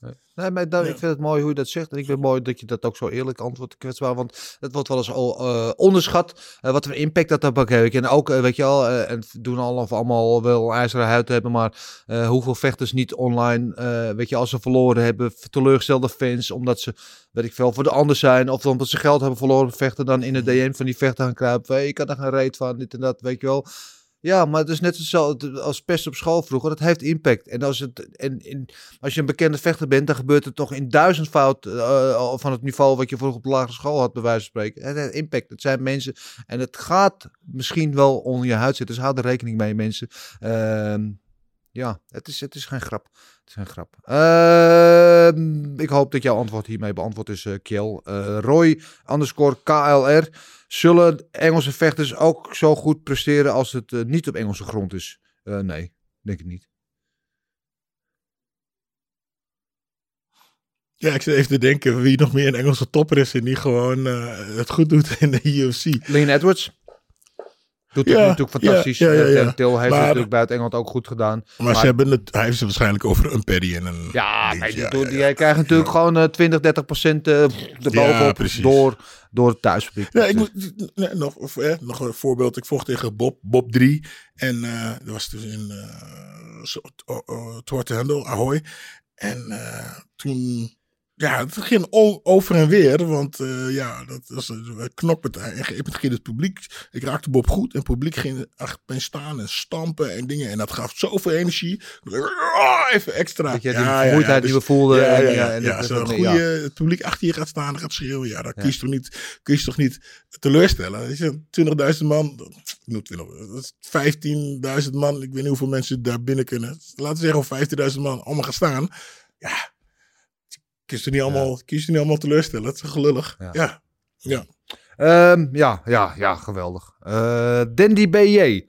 Eh, en ondertussen, ik, ik weet niet of iemand eh, van de regie, dit hoort maar mijn laptop is bijna leeg. Dus ik- als iemand die mij een beetje stroom kan verzorgen ondertussen, dat we gewoon, ik gewoon door kan Ik blijven heb gaan. ik heb, hebben we dezelfde laptop? Ja. Zelf ja, opladen? Ik heb opladen voor je. Ja, ik heb ook een oplader, ik heb alleen geen stroom meer. Maar komt goed. Eh, ik ga ondertussen de, de vraag, terwijl Gilbert mij van stroom gaat voorzien. Eh Dandy BJ eh, vraagt zich af, vecht Doembe eenmalig in de UFC? Of hoe werkt zoiets? Ja, deze week, dit weekend, bekend geworden. Dat uh, Cedric Doembe natuurlijk, de voormalige Glory. Nee, dat is niet dezelfde, inderdaad, sorry. Ik heb hem wel bij me, ik ga hem zo pakken. Komt goed. Dandy BJ uh, uh, Doembe die gaat uh, op 3 september uh, UFC Parijs. Het de eerste keer dat UFC naar Frankrijk gaat. Gaat hij zijn debuut maken in de UFC. De voormalige Glory kampioen. Hij zit hier, dankjewel. Uh, tegen Marcel, help me ook alweer. Was het ook alweer? Tegen Darian Weeks. Darian Weeks, ja. Die zagen we eerder inderdaad al tegen Ian Gary vechten. Uh, en die gaat nu uh, dan in Parijs het hoofdverdeel tegen Cedric Doembe vechten. En uh, Dandy BJ, ik gaf hier even een beetje context bij. Die vraagt zich af, ja, hoe werkt dat zoiets? Ja, ik weet eerlijk gezegd niet of hij, een, ik weet, misschien weet jij dat Marcel, of hij een contract heeft gekregen. Ik weet wel wat UFC vaak doet als ze naar een lokale markt gaan. Dat ze lokale vechters daar, en dat gaat om de kaartverkoop en dergelijke, een, een, een one-fight contract geven. Dus gewoon om de kaart te vullen, dan gaan ze dan... Ik, ik denk dat ze drie, drie partijen hebben. Dat zou kunnen, en, maar als hij dan goed presteert, dat hij dan een contract krijgt. Zo. Uh, maar in dit geval weet ik niet hoe het gaat. Ik weet dat dat in ieder geval hoe UFC dat vaak deed. Dat ze het lokale vechters dan een one-fight deal geven. Uh, om de kaart te vullen met lokale vechters of de kaartverkoop. En als iemand dan zo goed doet, stelt dat doen het goed doet. Hij heeft ook wel wat bekendheid in, uh, in Frankrijk. Um, dat, uh, dat hij dan een contract verdient. Maar ik weet niet, weet jij dat Marcel, uh, hoe dat in elkaar zit met zijn deal? Nou, normaal gesproken krijg je of een, meestal krijg je een deal, zeg ja. maar. En uh, soms laten ze, hem uit, laten ze hem je uitvechten, zelfs als ze drie op rij verliest. Maar soms ook niet. Maar ik, ik kan me niet voorstellen dat ze hem een één-fight deal gegeven hebben. Ik denk dat hij daar te grote naam voor heeft in de vechtsportwereld. En ik denk dat ze gewoon... kijk, ze hebben ook ze hebben al eerder Pereira gesigned. Ze hebben Adesanya destijds gesigned. Adesanya had wel iets meer gevechten dan, alle, dan, dan hun allemaal. Maar ja, ik verwacht wel dat ze Doembe voor meerdere gevechten gesigned hebben. Sommige verbazen als het één fight contract is. Oké, okay. uh, helder. Nou, uh, ik zal het doen bij zelf eens vragen als ik de kans krijg. ik ga hem in ieder geval zien, ook in Parijs. Want wij zijn dan met Eurosport uiteraard ook weer bij. Ik verheug me daar nu al op hoor. Gantoui, Fassa en uh, hoop andere mooie partijen. Natuurlijk onder andere Whittaker. Ehm, ja, geweldig. En, eerste keer in Frankrijk, dus dat belooft wel een ding te worden. Even kijken, Juchtje. Wie moet nu de volgende tegenstander worden van Paddy? Hebben we het over gehad. Atta 58T. Hebbenstroom. Wat vonden jullie van Oestermier? Uh, dat Hebbenstroom zei ik trouwens, dat komt niet van Atta. Wat vonden jullie van Oestermier? En is dit het laatste van Gustafsson? Ja, hebben we het al uh, over gehad, ook een beetje. Uh, Mo Issa zegt, Volkan had Paul KO moeten slaan. Oké, okay, waarvan akte. Cijfer een 8 vanwege Domper main event. Nou, hij is nog, nog positiever dan ik ben. Julian Zomer met dubbel R. Denk u, hoe, ver, hoe denken jullie dat Paddy het zal doen tegen een top 10 tegenstander? Ja, daar hebben we het al een beetje over gehad. Uh, nog misschien een beetje te vroeg. Uh, Pimski 94. Wat denken jullie van Kamzat tegen Nate? Ja, deze week bekend geworden natuurlijk. Uh, Nate Diaz gaat uh, straks vechten tegen Kamzat Chimaev. En het hele verhaal van Nate kennen we natuurlijk. Hebben we het al uitgebreid over gehad. Zit nog op één vecht op zijn contract bij UFC. En wil heel graag eruit. Wil gaan boksen tegen Jake Paul. En uh, smeekte om een partij. Uh, en die partij tegen Kamstad had ze mis aangeboden. Toen zei hij, nou wil ik niet. Toen zei hij later van, nou het maakt me ook niet uit uh, tegen wie ik vecht. Kom maar. En na drie dagen na het interview opeens werd bekendgemaakt. Tada! Daar hebben we het. Kamstad tegen Nate. wat denk jij? Ja, ik denk dat Nate die Kamstad gewoon eventjes in triangle zet. ja. Ja. We denken allemaal dat Kamstad gaat winnen. Maar het zou toch geweldig zijn als Nate die Kamstad toch eventjes uitchoked gewoon. Ja. Dat zou toch, ja, misschien niet voor de fans, maar althans, het is toch geweldig. Dat is toch, dat is toch een, dat, dat, dat kun je toch niet schrijven. Dat kun je toch geen, als dat gebeurt, dan pis ik toch gewoon in je broek. Ja, nou, weet je wat het is? Kijk, um, Nate komt altijd om te knokken. Tegen wie dan ook interesseert gereed. Of hij nou wint of verliest. Uh, hij geeft nooit op. Uh, hij wordt eigenlijk nooit KO geslagen. Ja, toen tegen Masvidal, maar er is een TKO over het gevecht gestopt mm, op een gegeven moment. Mm, uh, je zal nooit zien bij aftikken of wat. Ja. Het is gewoon allemaal te knokken. Waar ik me wel een beetje zorgen om maak. Nate komt van lightweight. Gaat dan nu op welterweight. Vecht hij dan ook af en toe. Kamzat vecht ook op middleweight. Kamzat is echt heel groot voor een welterweight.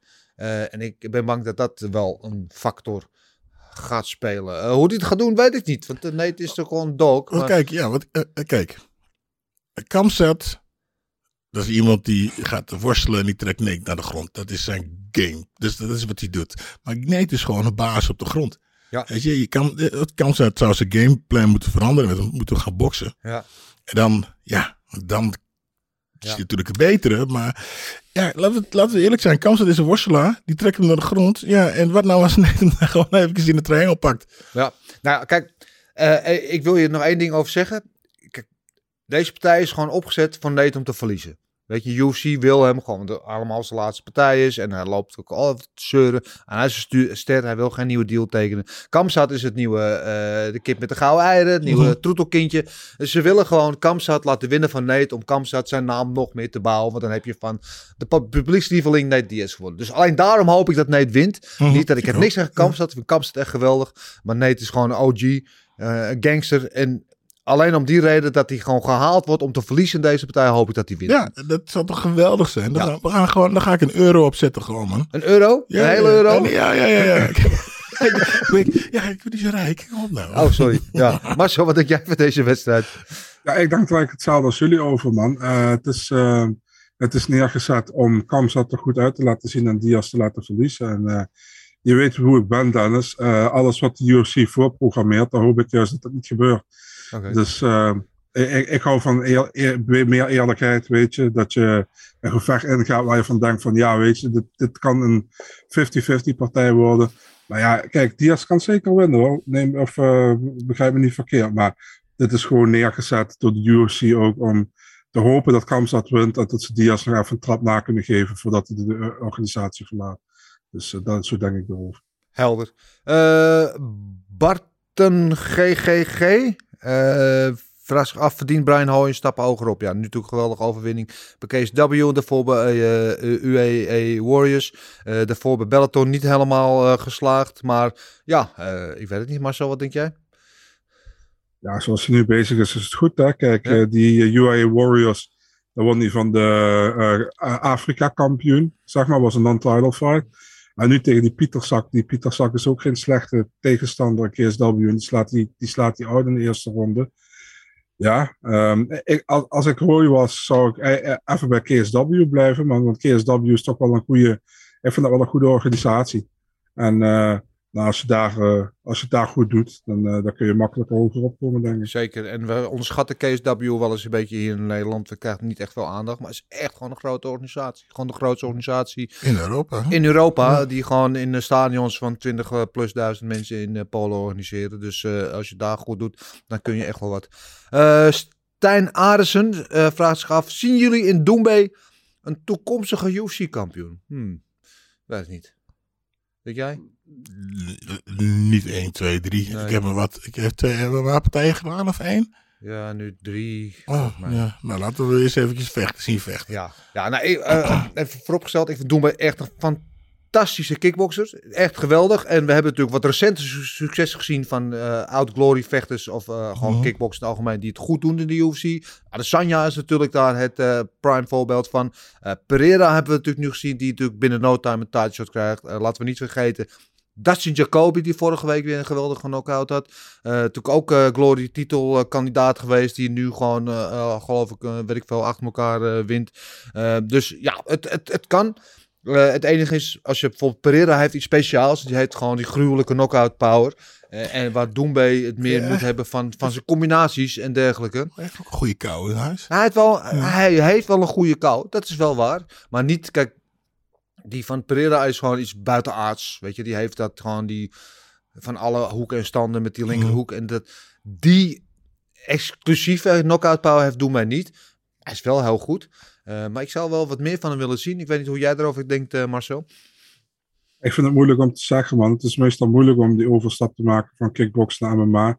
Hij heeft pas twee partijen gehad en dat is ook nog vrij recent geweest. Ehm, tegen ja, niet heel bekende tegenstanders, maar dat mag je ook niet verwachten na twee partijen. Het is gewoon heel, dat die heel snel door de UFC getekend is.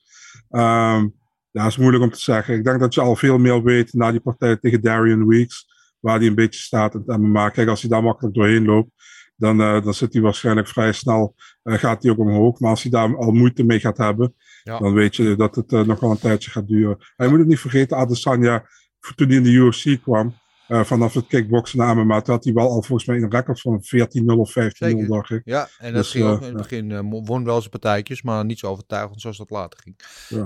Ik ben het met je eens. Ik ben heel, ik ben heel benieuwd. Darian Weeks is wat dat betreft een goede test voor hem. En absoluut geen weggooien wat dat betreft. Maurits School zegt, geen vraag. Ik was er zelf ook bij. Wat een atmosfeer hing er in de O2. Ja, dat was helemaal waar. Dankjewel. Ik hoop dat je een leuke avond hebt gehad.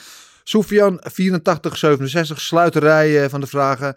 Vinden jullie eh, Benil tegen Gamrot een goede matchup voor een title eliminator? Natuurlijk vorige week bekend geworden eh, binnenkort. eh Benil Dariush terug gelukkig van die vervelende blessure. En Matthäus Gamrot die zagen we laatst in een main event tegen Charukian. Een geweldige partij. En die gaan nu tegen elkaar. Ehm, ja, ik heb wel veel zin in deze partij. Want het zijn wel twee echt hele goede vechters. Ehm, het enige wat een beetje aan hun allebei kleeft. Het zijn niet echt eh, eh, showstoppers. Als ik begrijp wat ik bedoel. In, qua faam en naam. Het zijn een beetje ja, hele goede, degelijke vechters. Maar niet met wat veel star power. Dus of zij en, en die lightweight divisie, daar lopen natuurlijk heel veel sterren rond. Dan heb het over de Poiriers, de Gaethjes en noem allemaal maar op. Weet je wel, die daar zitten. Chandler, die misschien, niet, eh, misschien nooit kampioen worden, maar wel altijd in die conversatie zijn. En eh Benil en- Gamrot verdienen dat misschien meer. Een beetje onder, een beetje onder een rare. Ja, ja, dat heb ik een beetje. En ik, ik vind dat ze het verdienen. Maar ik weet niet of ze het snel krijgen. Dat, eh, dat is mijn eh, gevoel een beetje. Wat uh, hoe zie jij dat? Ja, eh, geen idee. Ik denk als je gewoon je tegenstander, eh, elke tegenstander verslaat en de koud slaat, dan, Dan kom je er vanzelf. Ja, Ja, ja. Maar je hebt natuurlijk dat in de, in de, eh, eh, de eigen kampioen, maar de, hè, de ex-kampioen, de Charles Oliveira, gaat natuurlijk straks in eh, Abu Dhabi vechten tegen Makachev om de vakante titel. Mhm. Eh, dan hebben we Volkanovski die daar natuurlijk op de achtergrond sluimert. Er is heel veel gaande in die. En, en Oliveira wil het liefst tegen McGregor vechten, maar wanneer we die terugzien, dat weten we niet. Eh, Marcel, wat is jouw eh, gevoel bij deze partij tussen Darius en Gamrot? En is dat inderdaad een title eliminator in jouw ogen? Het zou best kunnen. Ik denk dat ze het allebei, kunnen, dat ze allebei eh, goed, goed doen op dit moment. En eh, ik denk wel dat het ook af en toe wel eens leuk is om niet altijd Chandler, Gaethje, Poirier daar bovenin te hebben. Kijk, het is wel leuk om ze bovenin te hebben, maar niet steeds diezelfde voor de titel te hebben vechten. Snap je? Dat je ook eens weer iemand anders hebt. En bijvoorbeeld zo'n Gamrot. Gamrot is echt een grote ster, man. En, eh, In Polen. eh, Polen met KS, ja, KSW komen we weer. KSW is gewoon heel groot. En eh, daar was hij de double champ. En de UFC heeft het goed gedaan. Hij heeft er eentje verloren. En dat was een close split decision tegen de laatste in zijn debuut. Ja. Tegen Tsaroukian was ook close, maar die won niet dus. Ehm, ja, dat, dat, dat vind ik een hele goede vechter. En Darius is gewoon super degelijk. Ja. En eh, ja, ik, ben daar wel naar benieuwd naar, man. Ik, eh, voor mij mag dat best een title eliminator zijn. Ik heb er totaal geen probleem mee, man. Oké, eh, waarvan akte. Eh, Marcel, nu je toch aan het woord bent, ik zou Dennis. zeggen, blijf aan het woord. Ja, wat wil je zeggen? Ik had nog een vraag gekregen van iemand en ik vond hem wel interessant. Mag ik stellen? Ja, kom maar. Ja, eh, Remco Kleuters had gevraagd van eh, wat is de allereerste MMA-partij wat jullie gezien hebben? De allereerste MMA-partij die ooit in mijn leven? Ja. Jezus Christus. Je, hebt- je hebt een shirt aan. Ja, eh, ik Ultimate moet, Fighting, ja. ik zeg je heel eerlijk. Mhm. Ik denk ehm, de allereerste MMA-partij, denk ik, waar ik sowieso live bij ben geweest. Dat is die partij van jou tegen Joop Kasteel geweest. Oh, echt waar? Ja, Huh? als ik zo terugdenk. Oh. Want ik was, een, ik was vroeger was ik echt zo'n eh kickbox eh, purist. Ik vond de MMA van eh, Free Fight, heette dat toen Ja, nog. Free Fight, En ja, dan ja. had je nog heel veel van die gemengde gala's ook, weet je. Waarin eh kickboksen en een Free Mhm. Fight samen. En als Ja. Free Fight kwam, dan was ik altijd... eh, Ja. Ja. Hebben ze weer die knuffelaars. Ja, dat, precies. Ja. Ik was nooit. Die ik, was, ik was echt zo, ik was echt zo, zo eigenwijs al lul, weet je, van dit is alles en dat is niks, weet je wel. En, en, en later ben ik dat natuurlijk een beetje meer gaan waarderen en meer, ook omdat je er meer van leert en meer weet en meer verstand van krijgt. Zo. Eh, maar ik denk dat dat wel zo'n beetje de eerste is waar ik sowieso live bij ben geweest. Maar de eerste MMA-wedstrijd überhaupt die ik heb gezien, dus voordat ik wist dat het MMA was. Ik heb ooit, kreeg ik van mij, voor mijn verjaardag, dat is echt al heel lang geleden, dat is nog daarvoor, een videoband. Zo oud ben ik, ja. VS, dat was een grote zwarte dingen. dat Die schoof je in een apparaat en dan krijg je beeld op je televisie. eh, van Russisch kooivechten. En eh, echt over eh, ergens eh, midden jaren negentig, denk ik. En dat was Igor Vovchanchin. Oh ja, die heb ik ook gezien. Dat die ze allemaal even in elkaar trapte. Ja. Dat toernooi, ja. Ja, en dat waren aan al wedstrijden die duurden, waren ook geen tijdslimieten zo. Dat Nee, was gewoon stoppen tot, het, eh, tot iemand opgeeft of kou gaat of zo. En eh, sommige wedstrijden duurden wel een half uur. Eh, maar dat was mijn allereerste keer. En dat dacht ik van, welke wat is dit? Ja. Het was helemaal van, huh, Ja. Dat is er een soort op zijn kop. ja. Ja. brute toestand. Wat is voor jou de eerste? Eh, Ultimate Fighting. eh, ik denk dat dat eh, dingen was. eh Geert Gadot. Geert en Gadot. Orlando Wiet. En Remco Padoel. Ja. Die allemaal. Volgens mij Remco vocht niet in de eerste. Volgens mij Nee, was Joep- Geert. Remco was de tweede. Ja, Geert vocht in de eerste. En, eh, de derde en, zelfs, en, ja. en- Tweede, ja. En, en Remco tweede, derde. Tegen. Orlando Wiet toevallig ook. Ja, en toen tegen, natuurlijk tegen Royce Gracie. Ja. Dat is mijn eerste. Toen kwam eh Free Fight, banden van Free Fight. eh. Dick Vrij en eh, eh, Bob Schrijber toen. Ja. Al, en Hans Nijmer volgens mij. Oh, dat was in Japan. Japan, ja, rings, zo, ja. Ja. ja. Ja, geweldig. En wat voor jou, Marcel? Voor mij. Ik heb eigenlijk. eh, ik, ik ging eerst kijken naar, eh, naar kickboksen ook. eh, K1 dan. Ik kan me herinneren, ik had toen een serie op DVD gekocht met allemaal die K1 toernooien erop. En daar stond een partij op, Frank Shamrock tegen Alves Sinosic. Ja. Eh, MMA-partij. En eh, tijdens een K1 toernooi was dat. En ik was aan het kijken en denk, oké, apart. Ik, ik, ik kende dat helemaal niet destijds. En eh, nou ja, op een gegeven moment eh, zag ik nog een eh, UFC-DVD destijds liggen in, in de winkel, Free Record Shop. en eh, die Ja, die heb record shop, ja. ja, ja. Jouw tijd. eh, die heb ik toen ook gekocht.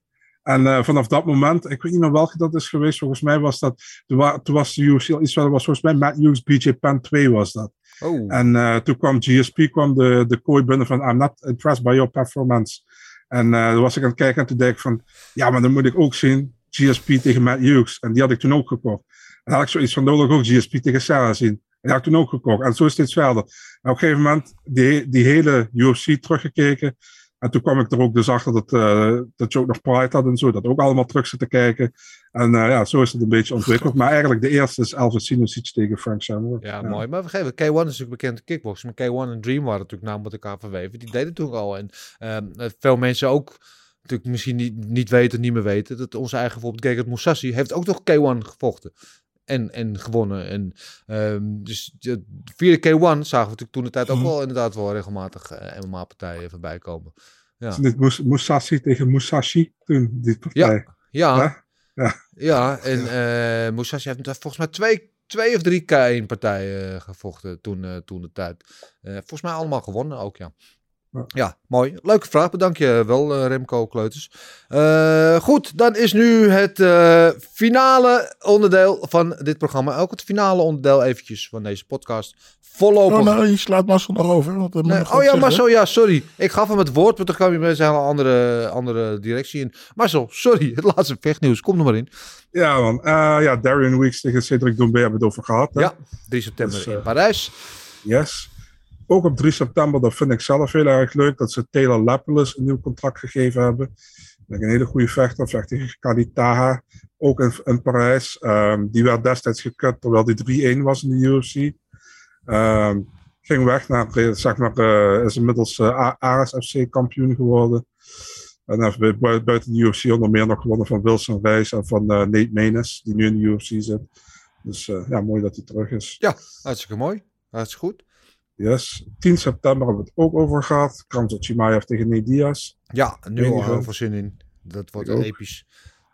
Ja, hetzelfde evenement. Ik zou bijna zeggen de twee gekken tegen elkaar. Johnny Walker tegen Ian Kutelaba. Ja, dat, dat vind ik ook wel een heel interessante partij. Dat, Johnny Walker de laatste tijd natuurlijk niet heel erg geweldig, laatste paar partijen. Maar dit is een partij die belooft heel veel eh, gekkigheid en, eh, en spektakel eh, op te leveren, denk ik. Inderdaad. We hebben op 22 oktober nu officieel co-main event in Abu Dhabi. Aljamain Sterling tegen TJ Dillashaw. Ja, ja, eh, ja die, die, UFC-kaart in Abu Dhabi belooft Oh, echt krankjoren te worden. Ja. Wat daar allemaal op staat. Mijn hemel. Eh, misschien wel, wordt dat wel op papier nu de kaart van het jaar. Maar goed, dat heb ik al een paar keer gezegd. Maar vet. Ja, en eh, goede, eh, hoe noem je dat? Goede begintijden. Hè? Hetzelfde als de Ja, UFC Europese primetime. Ja, zeker. Ja. Zeker. Ja, ik vind ook dat wij daarbij moeten zijn eigenlijk. Maar goed, daarover later meer. Eh, dan hebben we eh, op diezelfde kaart hebben Piotr Jan tegen Sean O'Malley. Heeft hij nou wel getekend? Ja, Ja, dus definitief. Ja, want eh, ik, eh, wij spraken Sean O'Malley dus vrijdag bij de persconferentie in Londen. Voorafgaand aan de ceremoniële wegingen hadden ze daar een persconferentie met eh Sean O'Malley. ehm, ehm, Peter. eh, sorry? Pieter? Nee, Piotr was daar niet bij. Eh, sorry, Sean O'Malley, Charles Oliveira en natuurlijk Bilal Mohammed. Eh, en toen hadden we Sean O'Malley daar eventjes over. En die eh, was vol lof natuurlijk over Piotr Jan. Hoe kan het ook anders? Maar ja, hij wordt natuurlijk wel nu geskyrocket naar boven. Want Piotr Jan neem ik aan de, de, alle, de overgrote favoriet. Maar stel dat hij het voor elkaar krijgt om te winnen, dan ziet hij meteen daar natuurlijk. Maar ja, ik ben heel benieuwd. ja hetzelfde kaart. Benil Darius tegen Gamrot. Daar hebben we het net ook eventjes over gehad. Zeker, ja. Ook een goed gevecht. Zeker Ja, hebben goed we- vet. Ja, we- ook op dezelfde kaart Marina Rodriguez tegen Amanda Lemos.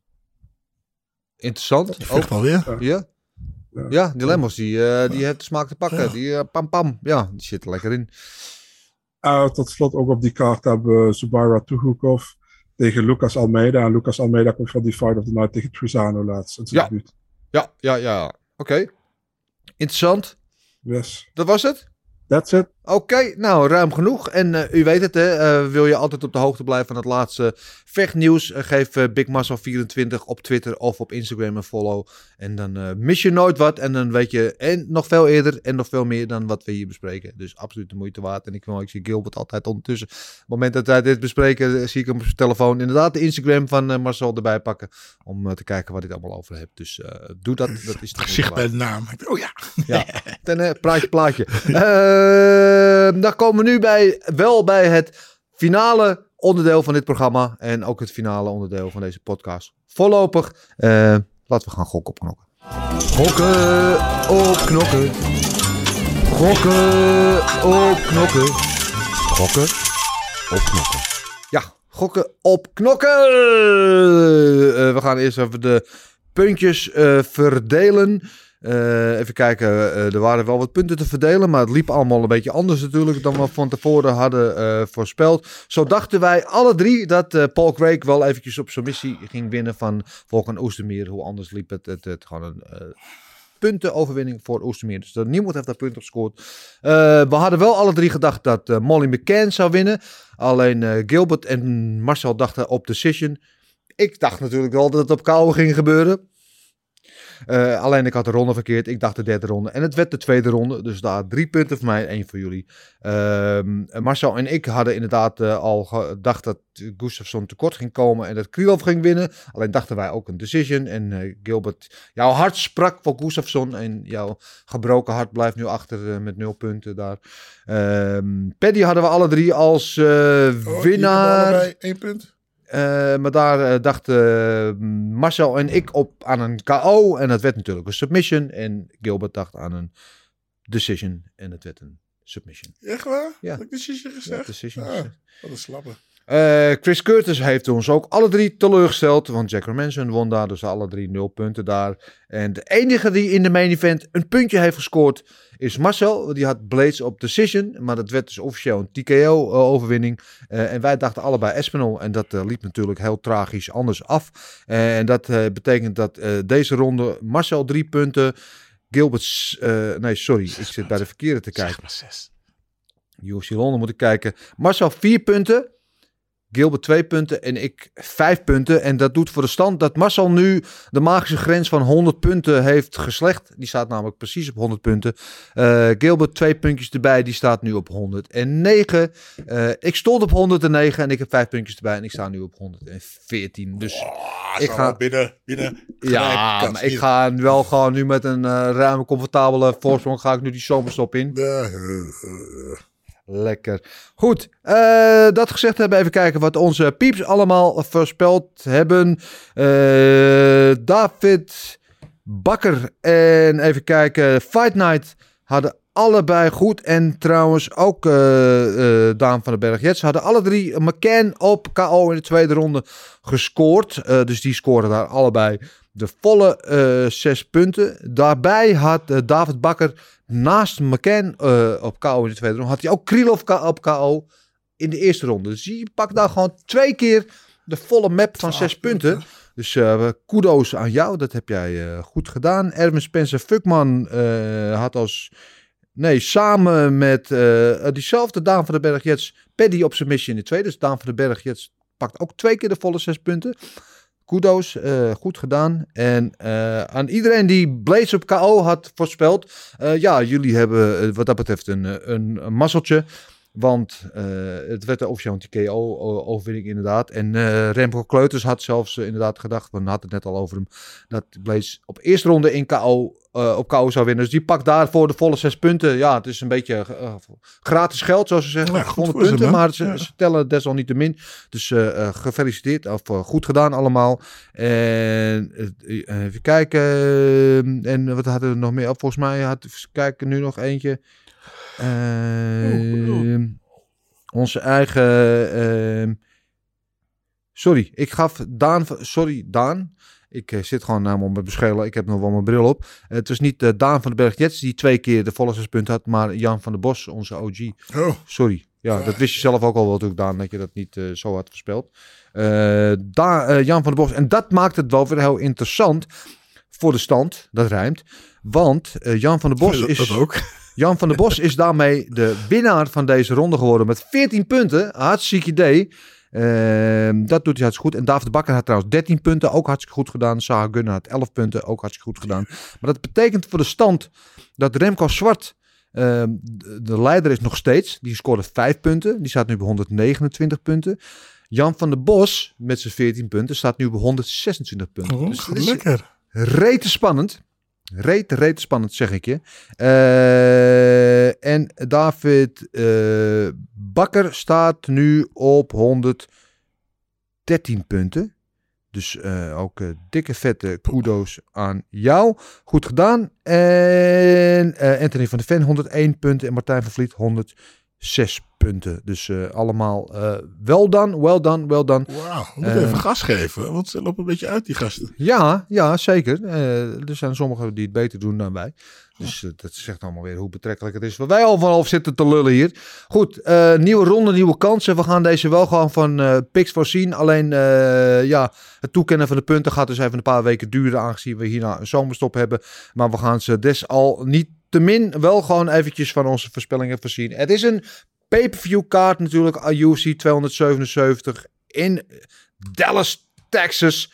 eh, aankomend weekend. eh, met een geweldige rematch in de main event. Om de bantamweight titel bij de vrouwen. Juliana Peña tegen Amanda Nunes. Heel benieuwd naar. eh Brandon Moreno, Kai Kara France. De rematch ook om de interim flyweight titel.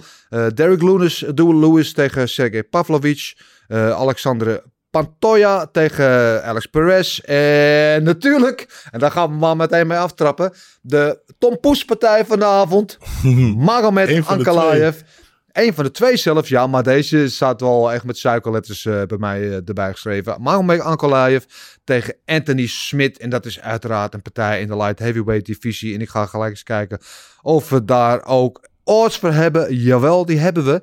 Ehm, min 450 is eh Ankalaev daar de favoriet tegen plus 350 eh, Anthony Smith, de underdog. En eh, aangezien jij hier voor de underdog bent, Gilbert Eiffel, laat ik jou deze aftrappen. Anthony Smith, kou in de tweede ronde. Boom! Hoppakee. Hoppakee. Oh, weet je, ik heb nu al zoveel zin in die tompoes, Marcel. Oh, kom maar op, Marcel. Kom maar Even op. kijken. Smit, KO in de tweede ronde, zegt Gilbert. Marcel, kom er maar in. Jij bent de tegenstrijder in dit geheel. Mhm. Ja, man, Ankalaev, zonder, zonder problemen. Ehm, ik ben in twijfel of een finish of een decision, man. Want, Oh, zie je, dan is toch wel een probleem, is- Smit is wel gewoon taai, maar Ankalaev gaat gewoon... Hij wint of alle drie de rondes, of hij finisht hem. Ah, ik voor een finish gaan. Eerste ronde KO over Ankalaev. Ik wil net zeggen, als je zo zelfverzekerd bent, hoe goed die is, dan moet hij het ook meteen afmaken. Ja. Als je punten wint, dat geldt niet. Kijk, ik snap dat Ankalaev hier eh, de favoriet is. Hij is ook aan een geweldige eh, streak bezig. Eh aan de andere kant, andere kant zijn laatste paar partijen een beetje underwhelming. Laat ik het zo zeggen. Niet heel eh, spetterend, maar wel degelijk en goed aan het winnen. Eh, Anthony Smit daarentegen is een revival bezig. Hè? Die eh, zat een tijdje in de put, letterlijk en figuurlijk. Eh, hij heeft zichzelf daar goed uitgevochten. De laatste paar partijen indrukwekkend. Ik ben benieuwd hoe Smit omgaat met die, die worsteltransities en zo van Ankalaev. Ankalaev natuurlijk wel heel goed in is. Maar Smit heeft echt iets... Ik heb, eh, Anthony Smit heeft iets als hij de underdog heeft. Die is heel goed om uit verloren of kansloze posities eroverheen te vechten. Is mentaal heel sterk. Ehm, ik denk dat Smit hier ook voor de upset gaat zorgen.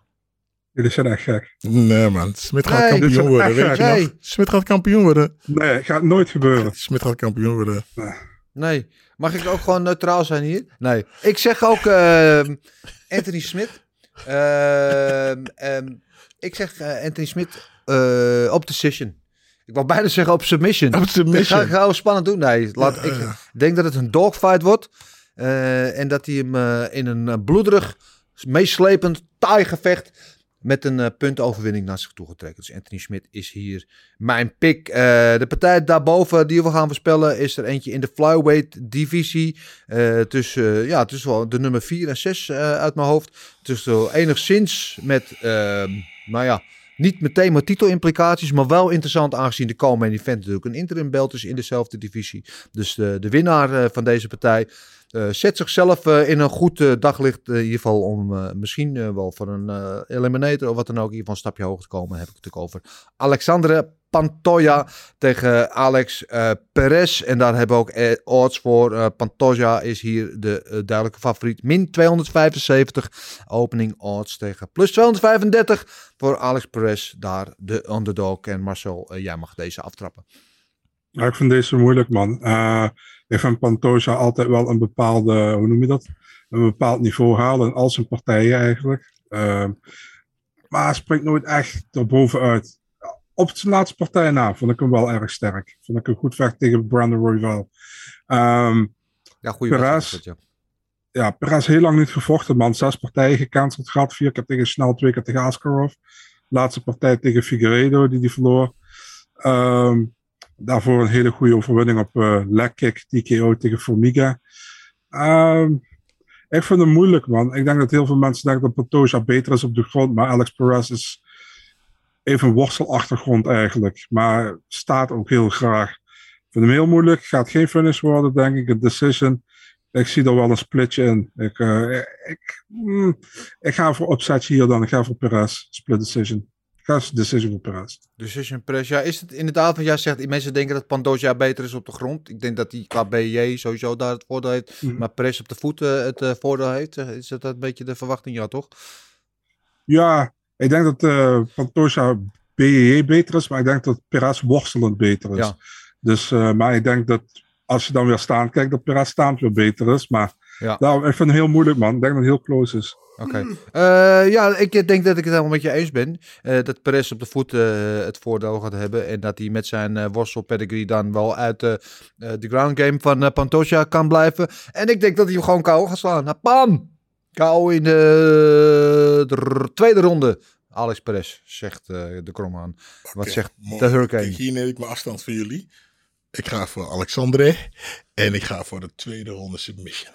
Boom. tweede ronde submission. Easy zegt, peasy, eh, easy money. Hoppakee. Gilbert Eiffel. eh, oh. Dat was niet de bedoeling. Tweede ronde submission. Oké, de derde partij van de avond is er een in de heavyweight divisie. De Black Beast, Derek Lewis, eh, is weer terug. Eh, niet in Houston, een stukje verderop, nu in, in Dallas. En in Houston, nee, weten we, daar vindt hij het moeilijk om te winnen de laatste tijd. Vorige keer verloor hij daar van Tai. Maar blijft natuurlijk altijd iemand om rekening mee te houden met die vernietigende one-punch knockout power die hij heeft. Hij is nog steeds altijd de nummer 5 van de heavyweight divisie. En hij neemt het op tegen nummer 11, Sergej Pavlovich. eh, die de laatste keer eh, zijn laatste partij, dat was in maart in Londen, erg veel indruk maakte door eh Shamil Abdurakimov te finishen. Hij is de nummer 11 in de divisie. En de opening odds voor deze partij zijn min 120. De favoriet is Derek Lewis en plus 100 Sergej Pavlovich. Ligt nog best wel aardig bij elkaar, moet ik zeggen. Ja. Ehm, Ja, ik, kijk, Dirk, ja, ik denk, ik, ik weet het niet, maar Dirk gaat zo niet, niet zo goed de laatste tijd. En er zal, ik denk dat er al heel veel druk op zijn schouders eh, gaat liggen. En ik eh, denk dat hij, eh, dat, dat hij breekt. Al de eerste ronde, ik denk dat hij een goede aanval doet. Dat Cherry hem naar de grond go- gooit. Hem daar meteen naar finisht. Ik denk dat hij eerste ronde ground pound KO voor? Sergej. Voor, ja. KO in de eerste ronde. Ja, kijk, Pavlovich is natuurlijk een hele goede, goede worstelaar. Eh, maar we weten van Derek Lewis dat hij wel een hele goede takedown defense heeft. En eh, dat ook als hij op de grond krijgt, eh, als hij op de grond komt, dat hij over het algemeen vrij makkelijk opstaat. Gewoon omdat hij zo oersterk is. En wat we bij Lewis altijd een beetje over het hoofd zien, is dat hij atletischer is dan hij lijkt. Nou, hij komt af en toe met die, gekke gesprongen knieën en draaitrappen en, en dergelijke. Maar bovenal heeft hij gewoon die vernietigende KO-power. En eh, in dat laatste keer ging het inderdaad niet zijn kant op. Maar wat weten we van Lewis? Ehm, als hij verliest, komt hij daarna altijd weer sterk terug. En eh, hij heeft nu verloren. Eh, ik neem aan eh, dat hij nu daar weer sterk van terug gaat komen. En eh, we weten nog die partij van Lewis tegen Blades. Hè? Blades, goede worstelaar. Blades uh, shooten in, weliswaar totaal uh, zonder opzet. Dus makkelijk uh, te, op te vangen. Maar hij ving hem op met die uppercut. En uh, Blades die is nu nog steeds aan het zoeken waar hij is. Um, ik zeg uh, Lewis hier op KO in de eerste ronde. Marcel, wat zeg jij? Ik sluit me aan bij Gilbert, KO, Pavlovic eerste ronde. Oh, interessant. Wil je ook nog toelichten waarom? Ja, ik denk dat, uh, ik denk dat Pavlovic uh, een van de toekomstige, ja, nou top 10, top 5 kan die, kan die inkomen. Ik heb daar vertrouwen in. Hij had uh, een slechte UFC-start tegen Overeem. Tegen Overeem, die ja. van Finance Global kwam. Helbo's, sindsdien, ja. sindsdien gewoon goed. En uh, technischer dan Lewis, sneller dan Lewis. Uh, ja, of Lewis moet hem weer met een of andere stoot raken, zoals hij wel vaker doet. Hè? Maar uh, nee, Pavlovic eerste ronde voor mij. Ja, oké. Ik vind Pavlovic overigens wel echt uh, goed. Beter inderdaad dan waar hij voor gecrediteerd wordt. Maar ik denk dat Lewis uh, op wraak uit is. En uh, een wraakzuchtige Lewis is een gevaarlijke Lewis. Dus daarom vandaan mijn keuze. Goed, dan komen we bij de co-main event. Dat is ook een, rematch. Dan hebben we het over de flyweight divisie. Voormalig kampioen Brandon Moreno gaat na drie achtereenvolgende partijen tegen Davison Figueiredo eens een keer een nieuw gezicht tegenover zich vinden in de octagon in de persoon van Kai Kara France, uh, die natuurlijk een aantal geweldige overwinningen achter elkaar heeft geboekt. Onder andere tegen Cody Garbrandt. En laten we niet vergeten, die laatste partij tegen Askar Askarov was natuurlijk echt een statement van je welste. Uh, Moreno, de nummer 1 gerankt uiteraard uh, na die drie titelgevechten. En Kai Kara France, de nummer 2. Uh, nogmaals, het is een interim titelgevecht. Maar de winnaar gaat desalniettemin sowieso met die mooie gouden belt naar huis toe. Uh, en uh, verdient dan hopelijk een plek om tegen de kampioen Figueiredo te vechten. Mocht die nog terugkomen in dit gewicht. Want hij uh, dreigt er ook mee als hij niet meer geld krijgt om een gewichtje hoger naar bento mee te gaan. Maar we zullen zien wat daar gebeurt. In ieder geval is, zijn de odds nu hier op deze twee mannen voor min 160 opening odds. Brandon Moreno, de favoriet. Kai Kara France, de uitdager eigenlijk in deze. De underdog op uh, plus 140. En uh, jij hebt me al een beetje verteld wat jij denkt. Dus dat, dat houdt er nog even in spanning voor onze luisteraars of kijkers. Ze hebben natuurlijk tegen elkaar gevochten. Was het Ultimate Fighter toen de tijd, Marcel? Nee, was gewoon in de UFC. Dat was gewoon, gewoon de UFC. Oh ja, we kan daarna, ja. ja, toen won uh, Moreno. Uh, en ik denk dat hij dat nu weer gaat doen. Ik, uh, Kai Kara natuurlijk geweldige kickboxer. Heeft echt vriend en vijand verrast de laatste twee partijen. Brandon Moreno is denk ik de betere allround vechter. Kan op de grond heel goed. Kan goed boksen. Ehm, heeft een paar keer tegen Dave, Davison Figueiredo echt op het top van ze kunnen laten zien wat hij kan. Uh, uh, met die ervaring denk ik dat hij hier uh, Kai Kara Frans aan de kant moet gaan kunnen zetten. Of een, tot de finish komt, ik weet het niet. ik hou het hier op een decision overwinning op vijf ronden. is dat tegen, voor Brandon Moreno. Gilbert, kom er maar in met jouw uitleg waarom. Ja, ja nou, kijk, ik heb twee keer op die Kai Kara Frans tegen hem gebed. En twee keer had ik het mis. En uh, het gaat dus niet meer gebeuren. ik ga nu gewoon voor uh, kijken naar Frans. En die gaat die Moreno. Uh, ja, punten is het de veiligste. Maar ik denk, hij gaat hem gewoon eruit slaan. Vierde ronde. Vierde ronde KO. Boom. Vierde ronde KO, zegt hij. Yep. Hartstikke idee. Marcel, kom er maar in. Um, ja, rematch. eerste partij tussen beiden. Moreno gewonnen, maar het was niet een, uh, een blowout of zo. Het was gewoon volgens mij 29-28. Ja. Um, ik vind Kai Frans vind ik een goede vechter, maar ik zie daar geen, kamp ik zie daar geen kampioensmateriaal in, als ik heel eerlijk ben. dat heb ik nooit gezien. Um, een beetje vergelijkbaar voor mij met Dan Hoeker. Hetzelfde team, ook kan met de toppers mee, maar ook geen kampioensmateriaal zoals een Adesanya of een Volkanovski in hun team wel is. Uh, Moreno, goed, heel sterk op de grond vooral. Uh, staand wel minder dan op de grond, maar ook wel redelijk. Um, ik ga voor een, uh, voor een submission in de tweede ronde voor Moreno. Submission tweede ronde Moreno. Uh, interessant. dat is sowieso een leuke wedstrijd, denk ik. En ik, ik ben wel fan van Moreno, ook op zijn persoon. Het is gewoon zo'n leuke, aardige gozer. Volgens mij, volgens mij kan je daar geen hekel aan hebben aan die gast. tenzij je Figueredo bent. Goeie partij. Ja, de main event dan. Dat is uh, een rematch in de vrouwen bantamweight divisie uh, tussen de huidige kampioen Juliana Peña die uh, vorig jaar december de wereld schokte door de ongenaakbare goat van het vrouwen-MMA, Amanda Nunes, uh, gewoon te verslaan te laten opgeven. Wat niemand had verwacht. Het was geloof ik een van de grootste underdogs in de geschiedenis van de UFC. Ze deed het onmogelijke en mag zich nu de kampioen worden. En Amanda Nunes die komt nu terug om haar wraak te halen. Uh, of dat gaat lukken is een tweede. In elk geval, volgens de bookmakers maakt ze een goede kans, want ze is de overduidelijke favoriet. Amanda Nunes, min 290. En de Peña, ondanks dat ze de kampioen is, nog steeds de underdog. Uh, weliswaar niet zo groot als de vorige keer, maar nog steeds aanzienlijk op plus 245. En uh, Marcel, aan jou de eer om deze als eerste te voorspellen. Ja, um, ja, ik kijk er eigenlijk helemaal niet zo naar uit als ik heel eerlijk ben. Ik nee. hoop niet op Malus, ik hoop niet op Malus, Malus Koenen kijken, want anders krijg ik het te horen. Maar um, ja, weet je wat het is man? Die eerste partij, uh, Nunes was veel beter in de eerste ronde. Uh, en Gasten volledig. En Peña nam het over in de tweede ronde. En hebben we daarover zitten te bedenken, man. Ik heb de hele tijd gedacht van, dat, als dat weer gebeurt, en misschien zit Nunes wel helemaal niet meer uh, qua uh, gedachten erbij. Weet je, is met andere dingen bezig. Maar Nunes heeft ook behoorlijke COVID gehad voor die partij, kan ik me herinneren. En misschien heeft dat ook wel meegespeeld, dat ze volledig gas was in die tweede ronde. Mm -hmm. um, lange voorbereiding nu weer gehad. Uh, ja, ik, ik vind het heel moeilijk, man. Maar ik neig toch de laatste, laatste de weken, de laatste twee weken, neig ik meer naar Nunes toch, op een of andere manier. En vraag me niet waarom. Uh, ik denk dat ze Panja nu eruit gaat slaan, man. Ik denk dat ze de eerste ronde gaat doen deze keer. Ja. Eerste ronde KO voor Nunes. Zo, Gilbert. Ja, nou, ik, uh, ik was eigenlijk voordat ik hier kwam, was ik nog eventjes... Uh, de counter aan het kijken. En kijken hoeveel Amanda met haar uh, tochtje aan het slepen was. Dat heb ik helaas niet goed kunnen zien. Maar ik uh, blijf voor Amanda. Ik denk dat Amanda dit gewoon moet gaan doen. Amanda Nunes, ja. Amanda Nunes. En uh, die gaat naar Massa eerste ronde. Ik zeg tweede ronde KO. Tweede ronde KO.